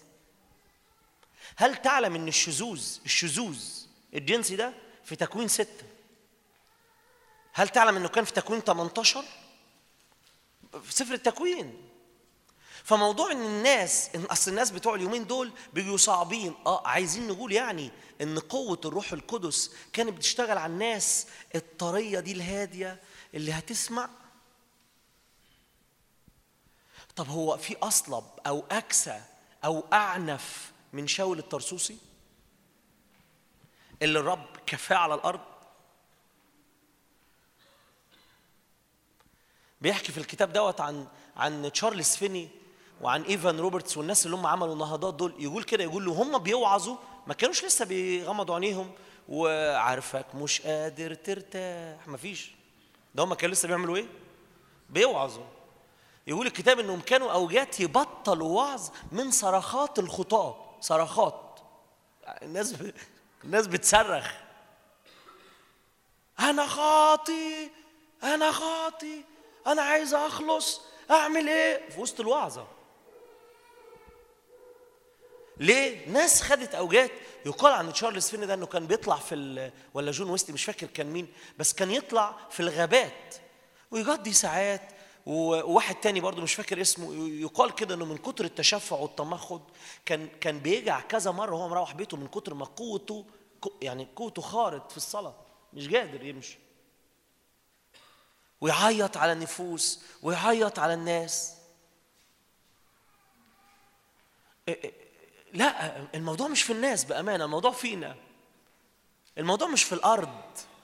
يعني يا أصل دي- محافظة كذا دي كذا محافظة كذا دي كذا. أما محافظة كذا دي كذا. مفيش الكلام ده. هو الروح القدس واحد. يقدر يجلب أي بلد. يقدر يغير أي حد. يقدر يجي على أي كنيسة. يقدر يجي على أي جماعة. هو هو نفس الروح القدس. بالعكس بالعكس ده لو أنا موجود في أرض صعبة دي فرصة أكبر إن الرب يتمجد فيها. ويبقى ويبقى ويبقى المجد بتاع الرب فيه أقوى من الأراضي اللي كانت معدة ومتجهزة. عارفين أقوى حاجة بيفتخر بها اليهودي؟ اللي يهوى عمله في مصر. أقوى حاجة يعني. اجروا المزامير هتلاقيه جاطرنا في كل مزمور يقول لك إزاي؟ اللي طلع شعبه من مصر. اللي عمل أحكام بلاد المصريين. اللي مش عارف عمل إيه. اللي مش عارف طبعا إحنا بنحور في الآيات دي. يعني نلاقي الرب يصنع أحكام أو يعمل آيات وعجائب عظيمة في أرض مصر فبناخدها آيات وعجائب هيعملها يعني بس هو كان قصده آيات وعجائب عملها يعني ظبط المصريين يعني عارفين قال له إيه؟ قال أنا هسيبه أنا هسيبه يتجسى أنا هسيبه يرفض إنه يطلعكم بس الرفض بتاعه والصعوبة دي هتبقى سكة وطريق إن أنا أعمل إيه؟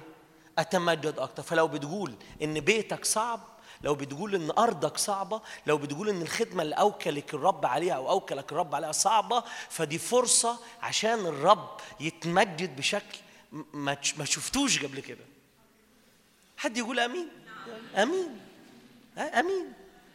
عارف آمين يعني إيه؟ يعني ليكن. يعني أنا الكلام اللي بيتقال ده أنا موافق عليه. فلما بتقول آمين مرة قائد قال لنا كده قال وأنت بتقول آمين كأنك بتروح وأنت بتقول آمين تروح واخد.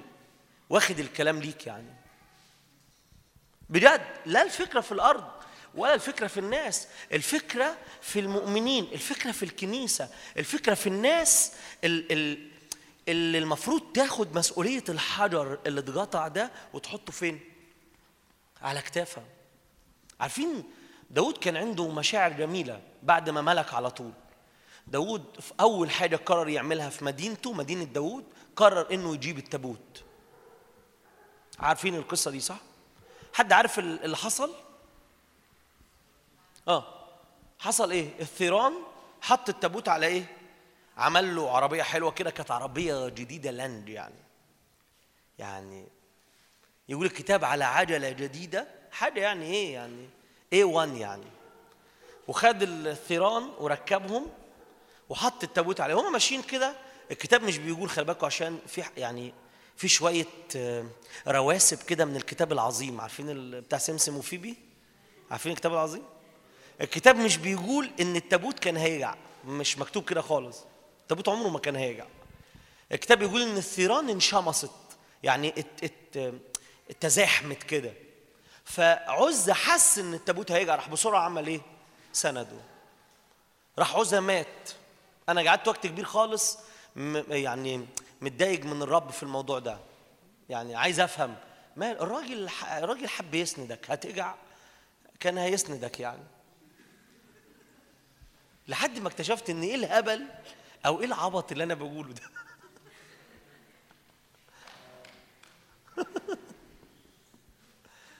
أنت عارف إن الرب هو التابوت فعلا والتابوت هو الرب؟ لما داود قرر يعمل آه، يعمل بيت للرب الرب راح بعت له قال أنا كنت معاكم في البرية كنت ساكن في خيمة. بيحكي عن التابوت كأنه هو بالظبط يعني. فكنت بصيت كده قلت أكيد فعلا إيه ده؟ التابوت عمره ما هيرجع فعلا. مستحيل. ده غير إن أنا عرفت إن عزة كانت في البيت اللي التابوت كان موجود فيه وقت. ده غير كمان إني عرفت إنه إنه في ناس في عشيرة في اللاويين في ناس مسؤولة عن التابوت. النجلة الثانية طبعا داوود خاف يا نهار أبيض ده في الطريق وعمل كده. أمال لما يجي عندنا هيعمل إيه؟ راح آه، آه، في الطريق وقف في الحتة كده راح خلاه في بيت واحد اسمه عبيد أدوم. ثلاث شهور داود سمع إن الرب بارك بيت عبيد أدوم خالص يعني. مش عارف إيه حصل عند عبيد أدوم. يعني مثلا فتح سلسلة يعني سوبر ماركت مثلا كبيرة جاب عربيات كتير مش عارف. بس في حاجة حصلت في الثلاث شهور خلت الملك ي- أو الشعب إسرائيل يحسوا إنه في حاجة إيه؟ حصلت في بيت عبيد أدوم. المهم راح جابوا بس الكتاب يعلق تعليق رهيب في الحتة دي. قال كده قال راحوا نجلوه حسب المرسوم. وراح بعت للاويين قال لهم بصوا طبعا آه، الكتاب بيقول إن داوود لما حصل كده داوود اتغاظ. داوود بعد كده في الأخبار في أخبار الأيام شرح قال لهم كده قال لهم إحنا عايزينكم معانا. إيه ده؟ أصل التابوت ما بيتحطش على على ثيران ما بيتحطش على حيوانات. التابوت بيتشال على الأكتاف. التابوت ما بيتدورش. اللي هو إيه؟ حط حط ثيران وبتاع إحنا ليه يعني ليه نشيل ونعمل؟ ما هي دايرة. أنتوا عارفين حتى لفظ كلمة النهضة يعني زمان من خمسين أو ستين سنة لورا أو أو أو لما يعني لما كان أبويا يحكي لي عن النهضات اللي حصلت في بلدنا مثلا. كانت كلمة نهضة كلمة شرسة يعني لما كان كان يقول حصل النهضه في الوقت الفلاني في النهضه يعني ناس كتير خالص عرفت الرب ناس كتير خالص اتعمدت بروح القدس ناس كتير خالص خفت ناس كتير خالص اتحررت حصلت حاجة غريبة يعني. دلوقتي أقول لك إزاي بيجي ثيران وعجلة. دلوقتي النهضة إيه؟ بوست على الفيسبوك في خادم مشهور مرنم مشهور عاملين نهضة ثلاث أيام. شفت حصل إيه في الكلمة؟ شفت حصل إيه؟ وابتدينا أحس دايرة يعني. أنا بسأل عايز أسألك سؤال. إحنا دخلنا 2024 2024 طالعه تجري مش عارف تاخد بالك ولا لأ. شهر واحد خلص. يعني أخبار كل يوم إيه؟ أخبار غيرتك إيه؟ أخبار محبتك إيه؟ أخبار عطشك للروح القدس إيه؟ أخبار الدعوة إيه؟ أخبار القعده قدام الكلمة إيه؟ الحاجات دي؟ ولا هي دايرة؟ وكل ثلاثة أنا بادي أنا واقف في نفس الحتة. هو ده اللي الرب عايزني فيه. هو ده اللي الرب دعاني ليه إن أنا أبقى شغال في دايرة بلف بلف بلف بلف. مستحيل. مستحيل. ومستحيل تكون الكنيسة أو في مشيئه في مشيئة الرب إن الكنيسة تكون بالضعف ده أو بالانحناء ده. مستحيل. الكنيسه الكنيسة كانت مخيفة يا جماعة. الكنيسة كانت مرعبة. الكتاب بيقول مين الطالعه من البرية دي؟ مين اللي طالعة دي؟ شبه الكنيسة وقال عليها كده عروس المسيح قال مرهبة كجيش بألوية. في في آه الكنيسة دول جماعة حلوين بيسلكوا بالمحبة يسلكوا بالإيمان مقدسين بس في نفس الوقت هم في, الروح وروحيا هم مرعبين مرعبين. أنا شفت في شفت في بلدي وشفت في البيت عندنا شفت يعني إيه؟ بقى في حد جايب بابا كان بي- بيخدم في خدمة التحرير. فكنت بشوف بعيني إزاي إن ناس جاية ناس المفروض جايبين الشخص اللي عليه روح الشرير ده وداخلين عليه. إحنا بيتنا في نص البلد بالظبط. تقدر تشوف الطريق من بره يعني. فشفت بعيني إزاي إزاي أهل الشخص اللي عليه أرواح شريرة جايين يجروا لبابا يقولوا له الحق مش قادرين يدخلوا. أول ما وصل البلد عمال يصرخ ويقول صوت ويقول اسمك أنا مش هروح لمتواضع. أنا مش هروح لمتواضع. فبابا ما كانش يطلع. بابا كان يقول لهم روحوا هيجي روحوا روحوا هيجي. كانوا يروحوا ال ال الشخص يروح ما تعرفش حساب بس كأنه يتربط ويتجاب. شفت يعني إيه الأرواح الشريرة اللي الناس بتخاف منها الناس ما بتنامش بالليل منها؟ شفت يعني إيه من واحد إيه يعني في في الهيئة أو في الصورة أو في الشكل أو في الإمكانيات هو ضعيف خالص. هو مش يعني ما فيش حاجة. بس شوف يعني إيه قوة الله وهي بتعمل من خلال الناس اللي غارت الناس اللي شالت وحملت الحجر اللي المفروض المفروض يصير جبل عظيم. المفروض الملكوت في اسكندرية يصير جبل عظيم. وده مش هيحصل اوتوماتيك ده هيحصل بناس. هيحصل لما نسرح السيران نسرح الطرق الغلط اللي مش بحسب المرسوم ون- ونيجي نتفرش قدام رب نعترف بغلطنا نقول له إحنا مش عارفين. يعني مش عارفين نعملها إزاي. مش عارفين هتحصل إزاي. بس هي لازم تحصل لأن الكلمة بتقول إنه ده اللي لازم يحصل. ها هي الظلمة تغطي الأرض والظلام الدامس الأمم. أما عليك فيشرق الرب ومجده عليك يرى. ده ده ميراثنا ده ميراثي ده ميراثك ده ميراثك. ميراثك إنك تبدأ تشيل الجبل ده على كتفك. ميراثك إن أوجات كتير تمتنع عن الطعام أوجات كتير تمتنع عن الخروج تطل... ما تطلعش. وتاخد أوجات تاخد يعني اقعد اقرأ كده عن الناس اللي الرب عمل بيهم نهضات هتلاقي فيها أوجات كتير خالص حصل حاجة اسمها اختباء. في مرحلة كده اسمها مرحلة البراري. مرحلة اختباء اختفاء. يوحنا المعمدان يلا على البراري الرب يسوع على البرية. بولس على بلاد العرب. يقول يقولوا في التقليد قعد سبع سنين ولا ثمان سنين وبعدين رجع دمشق وبعدها بثلاث سنين راح أورشليم. هل أنا مستعد إني أقول للرب كده؟ أنا بمشي الثيران بمشي كل طريقة كانت مش بحسب المرسوم. آه لو آه لو تيجي اجتماع الثلاث آه لو تيجي الوقت ده يعني آه لو تيجي وأنت عطشان كده وأنت لازم من البيت أنا رايح أتقابل مع الرب وجها لوجه أنا رايح أخد قوة أخد دفعة آه من الوجود وسط المؤمنين. آه من قوة الجسد. هناك أمر الرب بالبركة. ممكن تحضر اجتماعات بالهبل على اليوتيوب على الفيسبوك. ولا وفي في بركة خاصة للجسد. إنك تبقى قاعد كده ومؤمن جنبك بالجسد يعني. في حاجة هناك يقول مثل الدهن الطيب النازع على الرأس نازع على اللحيه لحية هارون. إيه ده؟ آه في في المكان اللي فيه مؤمنين. النار بتولع أكتر. عارفين في عبرانيين لما كان بيحذر من الارتداد؟ عارفين قال إيه الحل؟ عارفين قال إيه الحل للارتداد إنك ترجع تسيب المسيح وترجع؟ عارفين قال إيه؟ قال غير تاركين اجتماعكم.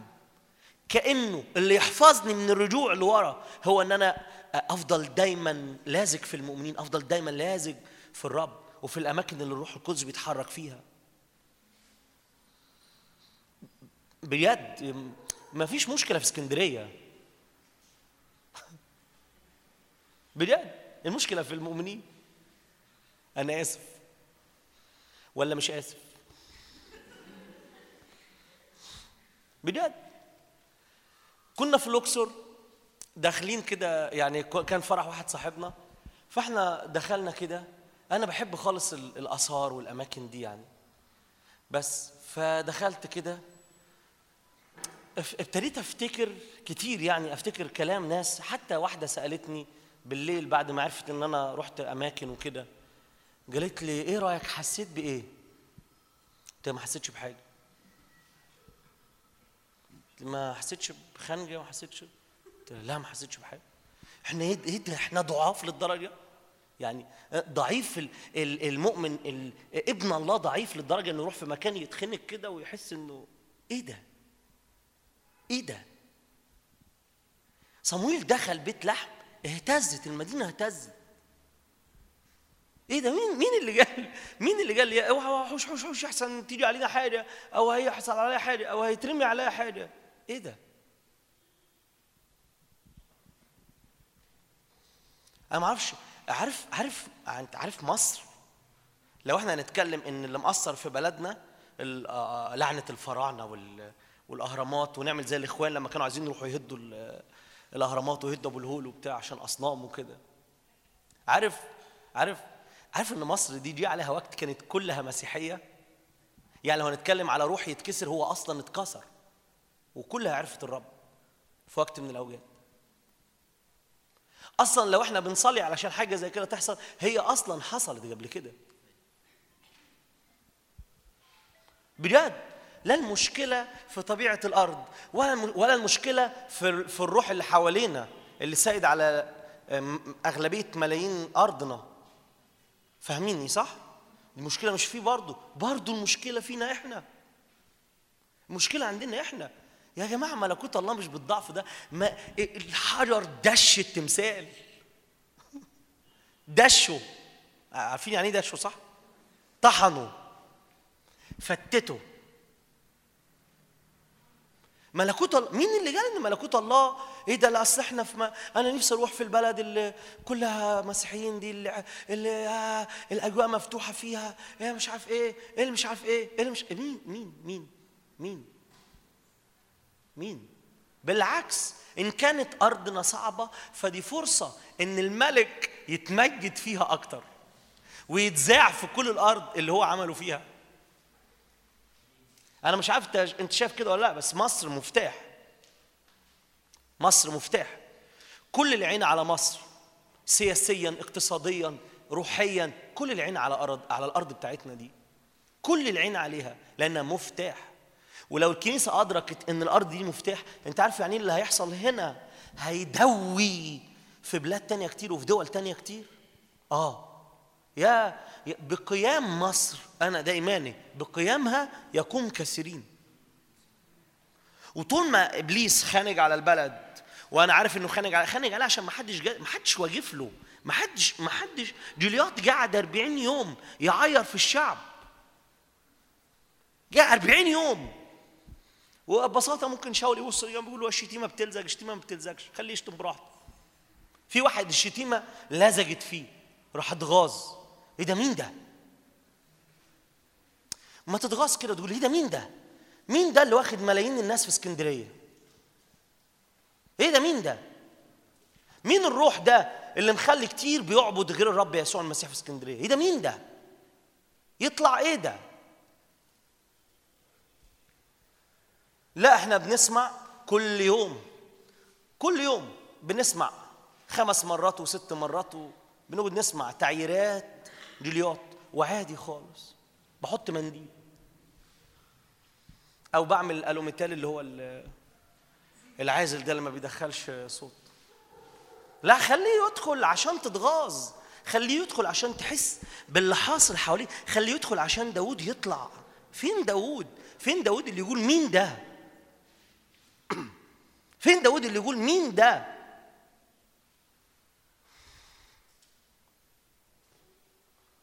عارفين إخوات داود نفسه. هو أنت جاي ليه؟ أنت جاي ليه؟ قال له ما أنا ما في بجيب أكل يعني جايب لكم أكل وكده. أصلا أصلا داود ما كانش راح يحارب. داود ما كانش رايح داود كان راح يودي أكل هو راح يودي أكل. سمع واحد بيشتم وقف كده إيه ده؟ إيه إيه دول ساكتين ليه؟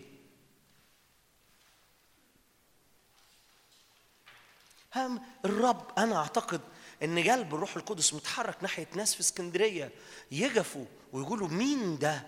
مين ده عشان يعمل كده؟ هقول لك على حاجة سيبك من ال... سيبك من الناس اللي هم مش مسيحيين. بص في المسيحية. بص الكام قال كام مليون مسيحي في مصر. يا عم سيبك من سيبك من الباقيين. بس بص على المسيحيين. وشوف كده. شوف اللي حاصل. اتواجه كده مع الأعداد اتواجه مع الكنائس اللي, بتتملي بناس في في الأصوام وفي المناسبات والناس دول بيبقى أغلبهم ما يعرفش الرب معرفة حقيقيه مين يجف مين يجف قدام جولياط ويقول له أنت مين عشان تعير شعب الله؟ بس مش بتكلم على وقفة في الشمال بتكلم على وقفة كل يوم على قلب قلب راعى الشمعة حبة النار. اللي بتترمي في كل مرة بيصلي فيها ويجف يقول له انت مين عشان تعمل كده؟ بأمانة أنا ياما سمعت كلام سلبي على الشباب وعلى الجيل بتاعنا ده بال... بالكوم. لما مرة بحكي لحد يعني اللي في اللي في قلبي يعني قال لي إيه؟ اجتماع ثلاث ساعات. وتدرسوا الكلمة تدرسوا الكلمة بندرس ساعتين. قال لي مين دول اللي بيقعدوا ساعتين؟ اتقال كلام اتقال كمية كلام على الجيل بتاعنا ده إنه مستهتر إنه مش ملتزم إنه مش منضبط إنه مش عايز الرب وده مش حقيقي. بجد كل يوم ناس بتبعت أنا عايز أجرب من الرب. كل يوم ناس بتبعت أنا عايز أعرف الرب. كل يوم ناس بتبعت أنا عطشان أعرف الرب أفرح بالرب أعيش للرب. وطلع الكلام خالص غير ما الناس بتتكلم. حتى الأطفال إحنا كنا في مدرسة أطفال. من من أسبوع أو أسبوعين. حتى الأطفال. الأطفال بتتعمد بالروح القدس. الأطفال بتتكلم بألسنة. الأطفال بتقف وتمسك المكتوب. الأطفال بتكرز. في المدارس بتاع بتاعتها. كل كلام اتقال على الأرض. كل كلام اتقال على اسكندرية. كل كلام اتقال على بيتك. كل كلام اتقال على الشغل بتاعك. كل كلام اتقال على الأماكن اللي انت فيها. الكلام ده مش حقيقي. المسؤولية هنا. مين يجف ويقول لجولياط ده انت مين يا حبيبي؟ انت مين انت اللي بتتكلم؟ فين ساعات بنحس كده بجبن يعني كله كان خايف. كله كان خايف. محدش محدش استقدر يتكلم مع مع جولياط. دي حتة عيل صغير. هو حتى جولياط أول ما شافه حس إيه ده؟ هو أنا تافه للدرجة؟ أدوات أدوات الحرب بتاعت جولياط كان في واحد متفرغ ليها. بيشيلها له. الأدوات بتاعته. جاي له واحد جايب طوب حجارة وجايب نبلة ونازل له. إيه ده أنا هو أنا كلب؟ إيه ده؟ أنا عايز أقول لكم على حاجة بأمانة.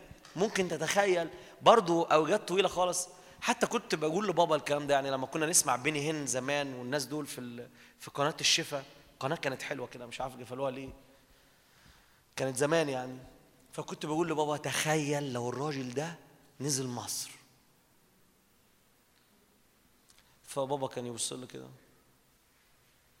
تقول له هيعمل يعني هيعمل قال لي انت ليه ما تكونش كده؟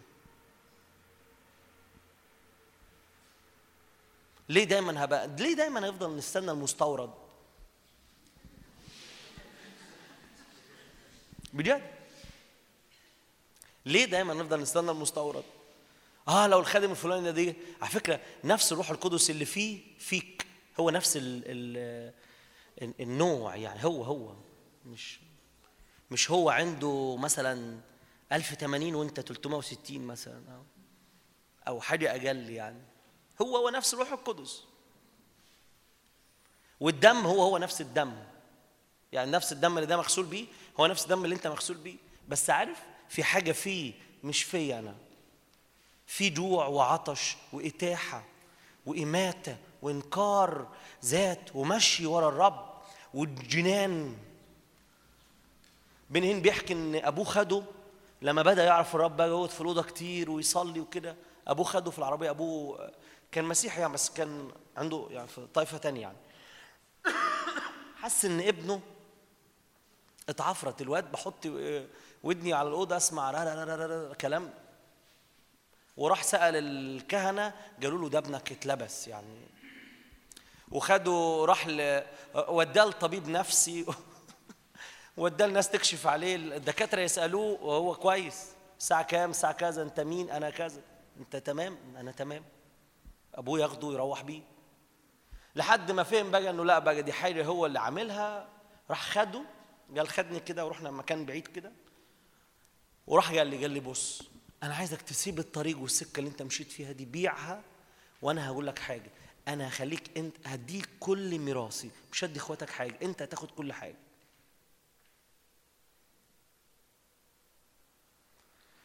هو هو بيحكي القصة دي. بعد كده قال قال أنا قعدت أعيط. قدامه وأقول له ما أقدرش صعب. ولا ميراث ولا أي حاجة. أنا ما أقدرش أبطل أحب يسوع وأتكلم مع يسوع وأمشي مع يسوع. أبوه راح سابه هناك ومشي بالعربية. حتى ما خدوش ما رجعوش البيت سابه هناك يعني. خليك بقى أنت أنت عنيد ومش عارف إيه. وسابه ومشي. وكان راجل عنيف يعني شرق أوسطي يعني.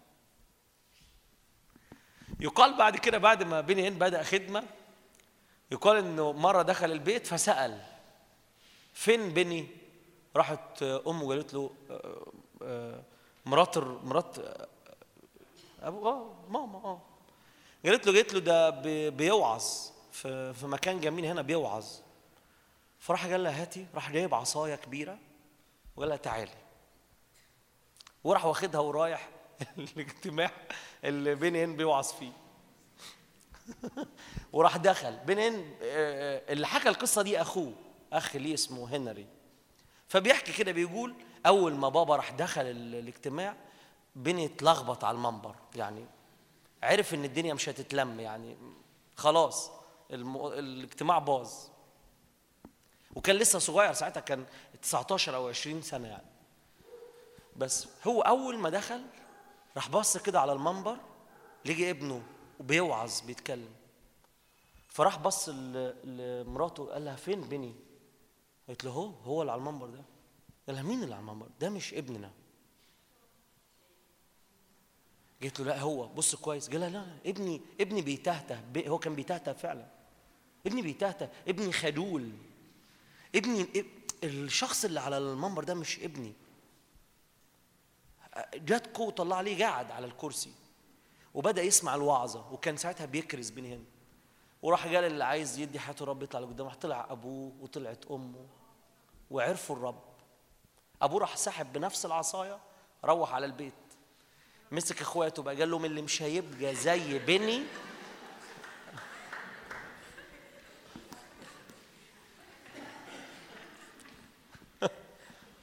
بجد. بص بص. بص بص إحنا بننبهر دايما بالنتائج بس نفسي نتبنى السكة. أمين؟ يعني بص لنتائج كل الناس اللي مشيت ورا الرب وعملت حاجة قوية بصوا للتغيير اللي حصل في أمم ودول. لا لا تعالى خد تعالى خش ورا الستارة. واعرف كانت إيه الكواليس وكان حصل إيه. ووافق إنك تدفع الثمن ده وإنك تمشي ورا الرب بالطريقة دي. اجتماع الثلاث ده هيتحول. من إنه اجتماع أنا بتبسط فيه وبستمتع فيه لاجتماع أنا باجي عشان أش... ال... ال... النار والاشتعال اللي حصل جوايا ده يزيد أكتر ويزيد أكتر ويزيد أكتر. إلى أن بطريقة مش طبيعية إلى أن بطريقة أنت ما تعرفش هتحصل إزاي يصير جبل الرب في اسكندرية جبل عظيم. آمين؟ والجماعة الإسكندرانية دول يعرفوا الرب كلهم يعرفوا الرب. وتبقى في اجتماعات كده على ال على ال على البحر كده. عندكم حتة بحر يعني. هو بس عايز شوية اجتماعات عليه يعني.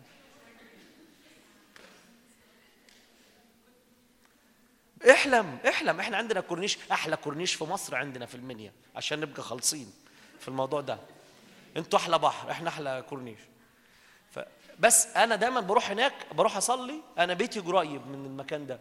لما ببقى معدي أو كده ببقى بصلي وبقول يا رب الحتة دي ما فيهاش شجر كتير الحتة دي ينفع تحط فيها كراسي. الحتة دي آه الحتة دي ينفع يبقى فيها الستيج اللي عليه المسبحين والكارزين آه يا رب المكان ده حلو كده يتاخدوا فيه الجماعة المقيدين يتظبطوا على جنب كده يعني. بدي أنا بحلم بحلم وبصلي وبطلب. أنا حلمت بحاجات وربنا اداها لي وكانت صعبة. فأنا مصدق إن الرب إيه إيه إيه إيه غير مستطاع عند الرب؟ أنا بلدنا دي اتقال عليها كلام على المنيا دي أكتر بلد اتأذت أكتر بلد حصل فيها انقلاب أكتر بلد حصل فيها حرايق أكتر بلد كنايس فيها ولع ولعت. بس أنا أؤمن إنه وإحنا بنضيف القائمة بتاعت أكتر أكتر أكتر أكتر أكتر يعني تبقى أكتر بلد الرب يسوع ملك فيها. أنا بصلي كده لبلدي. ونفسي تغير و... وتولع على بلدك. تولع على النفوس تولع على الناس. وقلبك يولع.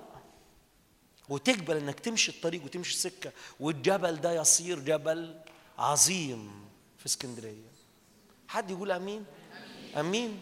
أنا مش يعني مش بشجع أنا آخر واحد بيشجع بأمانة. أنا عايز أنا بشاركك بحاجة. أنا شاعر انها في قلب الرب. امتحنها وشوفها. بس أنا شاعر ال... الأجيال اللي كانت ورانا كانت بتصلي كتير عشان النهضة وبيتنبؤوا على النهضة. أنا حاسس ومتأكد. وهشوف ده بعيني. إحنا الجيل اللي هيختبر كل الكلام اللي اتقال على مصر انه يحصل فيها.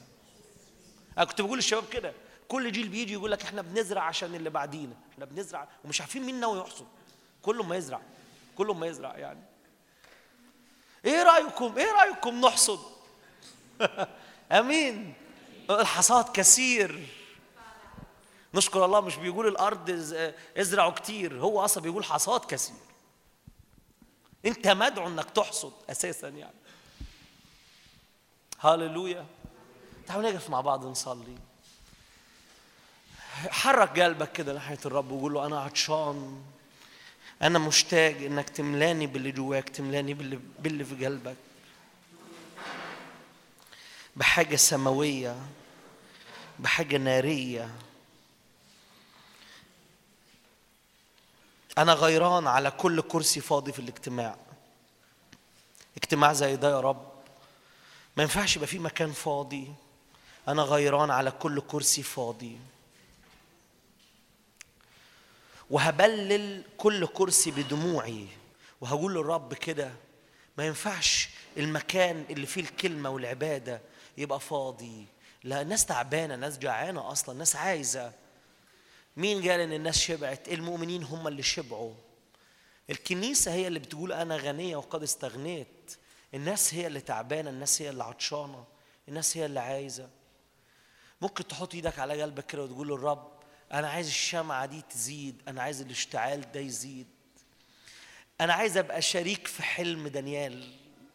أنا عايز أبقى شريك في حلم دانيال. الحجر الذي رفضه البناؤون. بص يرفض ما يرفضش ده رأس الزاوية العالم يرفض العالم يقبل ده رأس الزاوية. وهيفضل كل احتياجاتهم فقط فيه هو بس. المسيح عنده حاجات حصرية عنده حاجات هي احتكار على المسيح بس. المسيح عنده احتكار لأمور. المسيح عنده سلام مش عند حد. المسيح عنده فرح مش عند حد. في احتكار الرب يسوع عنده احتكار لأمور هي ما حدش ما فيش حد ينفع يمتلكها غيره. وده اللي يعزز الكنيسة إن الكنيسة معاها حاجات العالم بره مال يدور عليها مش لاقيها. هي معانا إحنا. هي دفعت لينا إحنا. هو الرب يسوع قال كده سلامي أترك لكم. سلامي أعطيكم. سلام المسيح. حاجة العالم ده تعبان تعبان في البحث عنها. في التدوير عنها. بس مين يمشي السيران؟ مشي السيران. مشي العجلة الجديدة مشي كل كل أساليب جسدية. مشي كل أساليب دنيوية. مشي كده وقول قول الرب كده أنا مش عايز أبقى من المتقلبين. أنا مش عايز أبقى من اللي شوية شوية الملكوت واكلني وشوية العالم واكلني. ارتباطي واكلني. مستقبلي واكلني. سفري واكلني. لا لا لا لا لا لا. أنا عايز ملكوتك ياكل فيا. أنا عايز ملكوتك يحركني. أنا عايز ملكوتك و... وامتداده يبقى هو البنزين. بنزين قلبي واشتعال صلواتي وطلباتي عند الرب. هللويا. هللويا.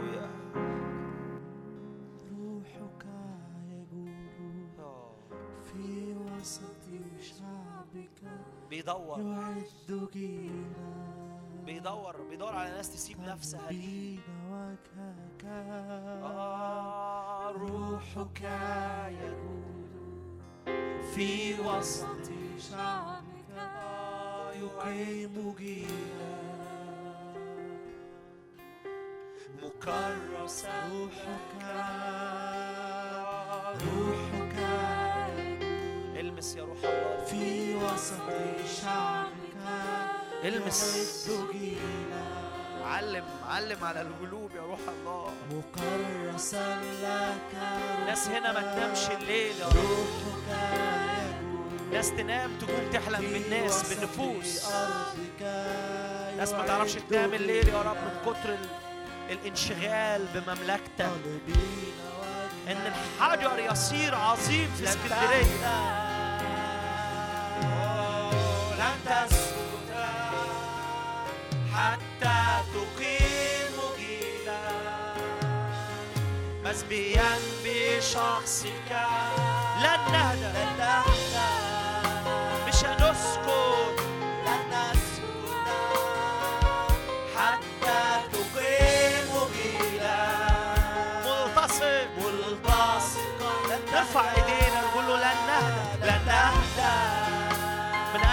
لا اهدى لن نسكت من أجل صهيون لا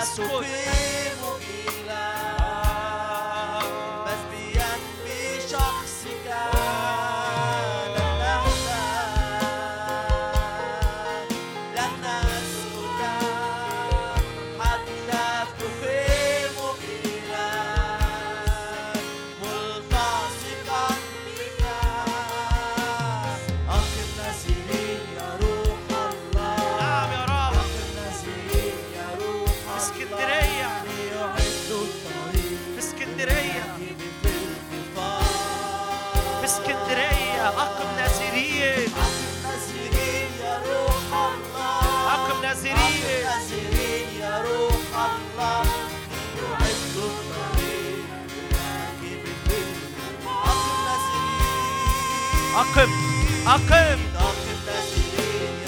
من اللي هنا يا رب. من اللي هنا يا رب.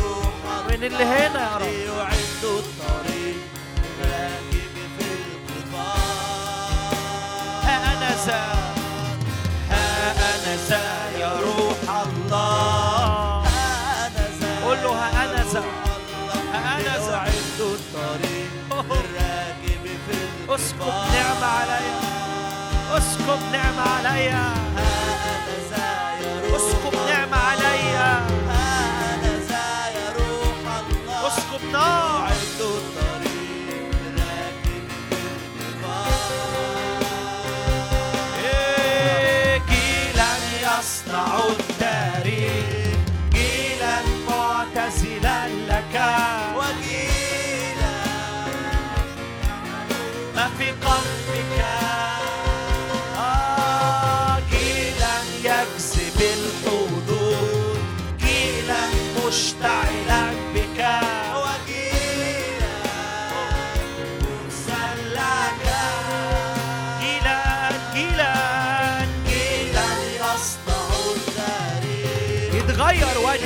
اسكندرية يتغير وجه اسكندرية أوه. يعملوا ما في قلبك يتغير وجه اسكندرية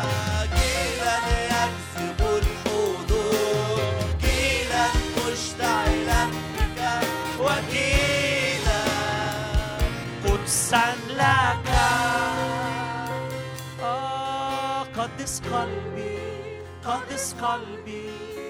لمن تحبه نفسي فأكون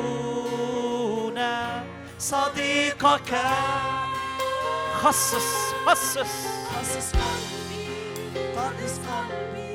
آه يا من. تحبه نفسي فأعرفك ما في قلبك. قدس قدس قلبي قدس قلبي. لمن تحب نفسي فأكون. آه صديقك. قدس قلبي. قدس قلبي. لمن تحب نفسي فأعرف ما في قلبك. عايزك تصلي معايا الصلوة دي. ضع يا روح الله نعمة ضع نعمة جوا قلبي ضع عطش ضع اشتعال ضع نار. كان عندي تساؤل عن نحمية نحمية مين ثقله بالسور مين حرك نحمية للسور لحد ما نحمية جالها في مرة قال ما وضع إلهي في قلبي. أبويا السماوي الشعلة تشتعل. في قلب كل واحد في القاعة دلوقتي. وفي قلب أي حد بيسمعنا كمان. باسم الرب يسوع المسيح. ضع يا رب في قلب كل واحدة وكل واحد هنا نار. يا رب حط حط عولة هم. حط عولة هم لملكوت الله وامتداده في قلب كل واحد وكل واحدة هنا. يا رب طير نوم ناس هنا يا رب.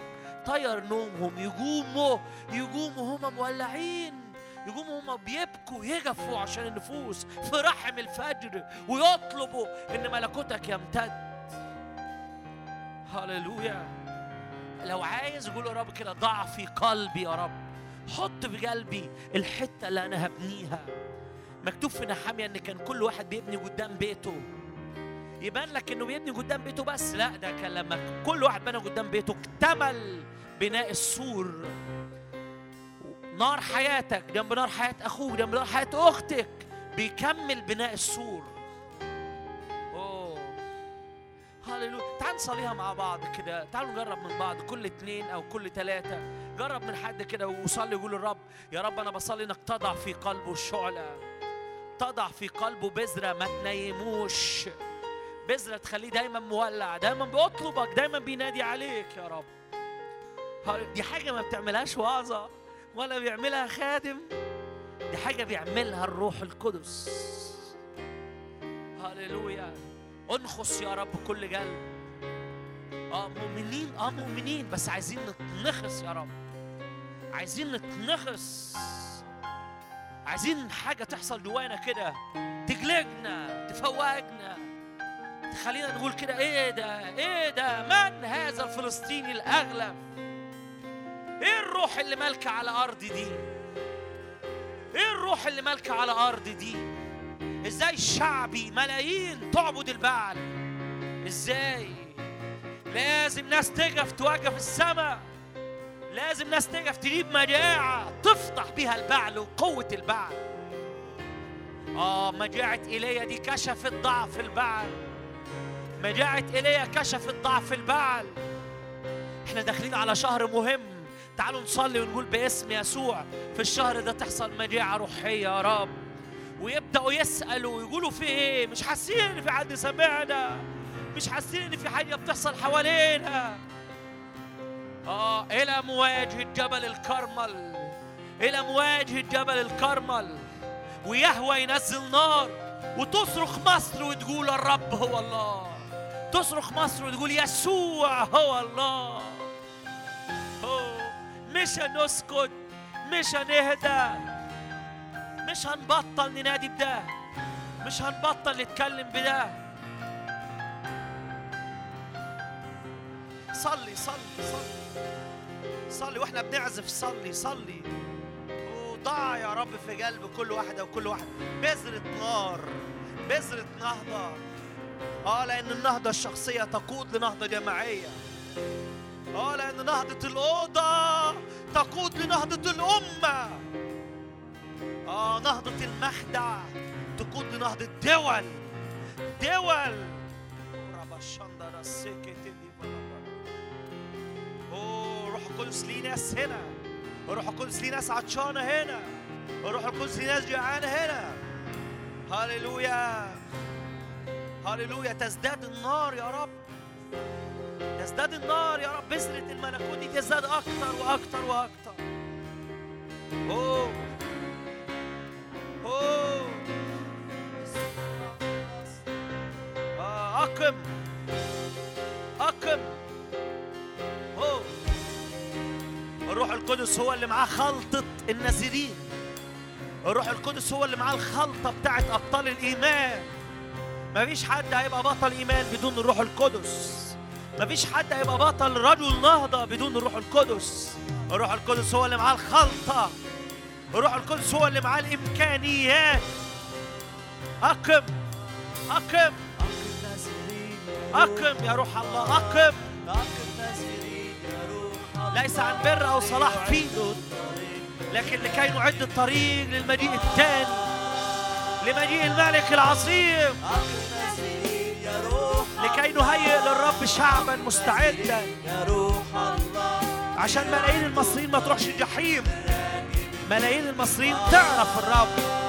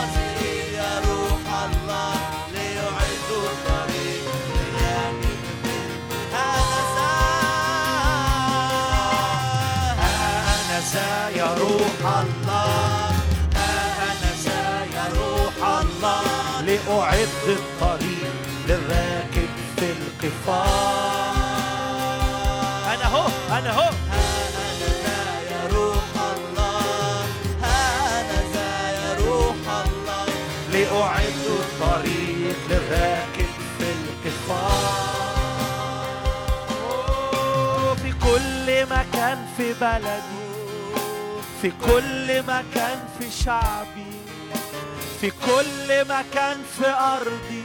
يرى النور. في كل مكان في بلدي في كل مكان في أرضي في كل مكان في شعبي.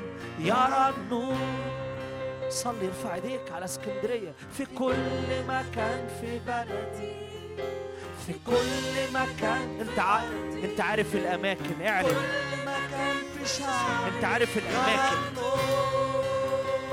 أوه في كل مكان. كل مكان في محرم بيه في سيدي بش. في أرضي في العجمي العجمي مش أرض زنا يا رب. العجمي مش أرض نجاسة يا رب. لك عمل عظيم في العجمي في كل مكان في أرضي في كل مكان في شعبي يرى النور نعلن نعلن. أنت شمس البر. نعلن فيك الشفاء. نعلن أنت شمس البر. نعلن فيك الشفاء. تسكب تسكب. من العلا يس على اسكندرية. تأتي بمجد السماء. على الكنيسة الأرثوذكس في اسكندرية. على الكنيسة الكاثوليك في اسكندرية. على الكنيسة الإنجيلية يا سكيب معموديات تسكب تسكب تسكب آه.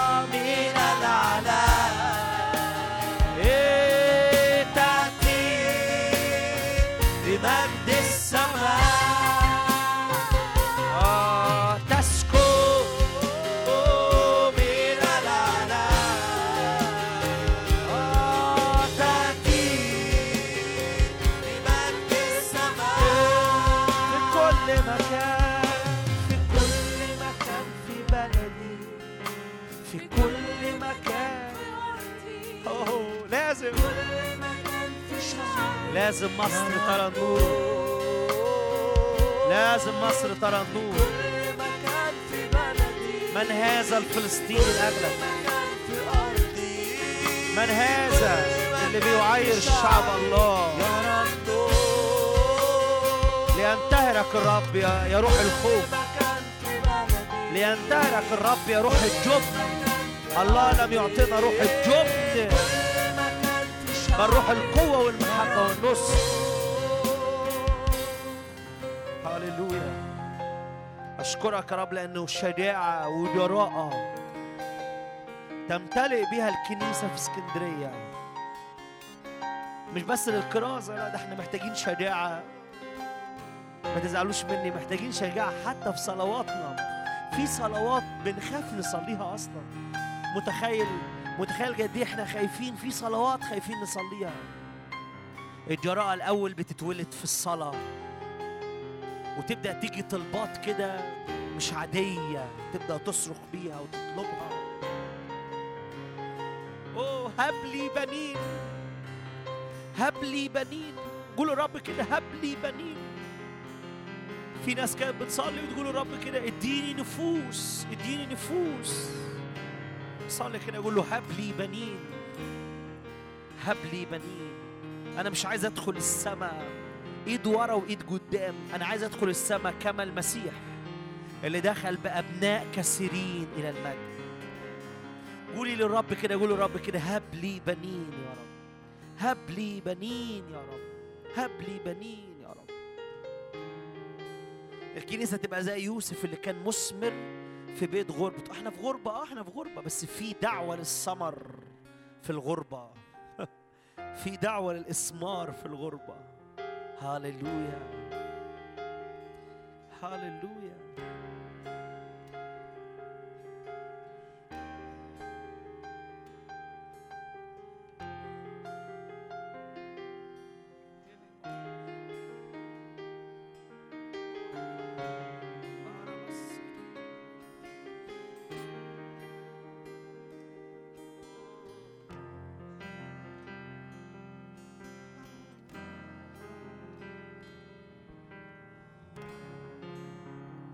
نعم تسلب من الجبار الغنيمة.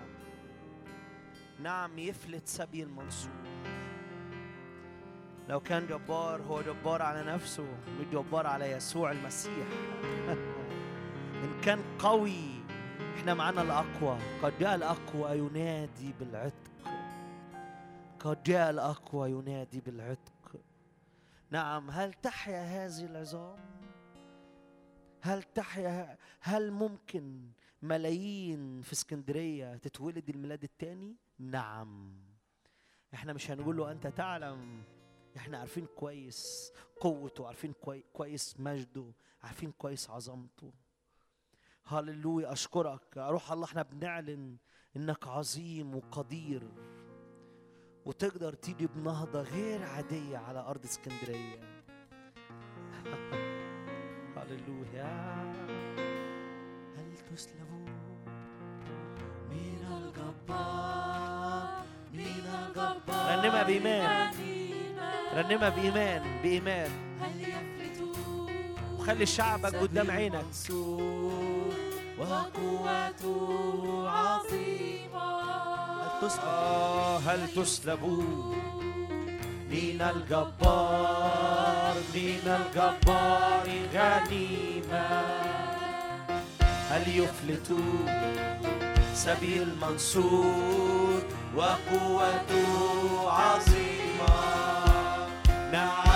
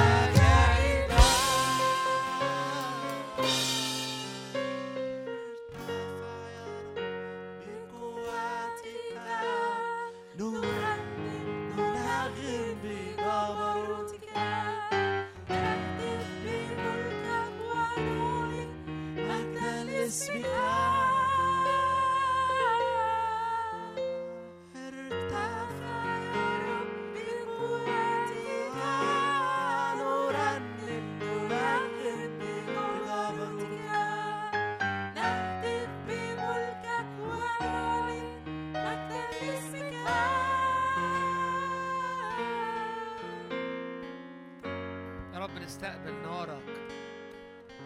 يا رب نستقبل نارك يا رب على حياتنا. استقبل يا رب زمجرتك الأسد يزمجر فيتلف القيود ويطلق أجناد الرب أجناد الشعب لامتلاك الأراضي. يا رب نشكرك من مثلنا شعب منصور بالرب يا رب لأنه هتاف ملك في وسطنا. يا رب كل كلمة النهاردة خرجتها يا رب. كل يا رب كل زمجرة يا رب على لسان أخويا يا رب. كل زمجرة خرجت يا رب و وحركت أرواحنا يا رب. زئير يا رب. للخروج يا رب وللامتلاك يا رب ولحياة مختلفة. يا رب أنت تتمم العمل أنت تختم على اللي عملته النهاردة. يا رب هو ذا الشعب قوي. أسد يخرج ولا يرجع يا رب لا يرجع للوراء الأسد يخرج مفيش حاجة ترجع ولا يرجع من أمام أحد. هللويا هللويا هللويا. امين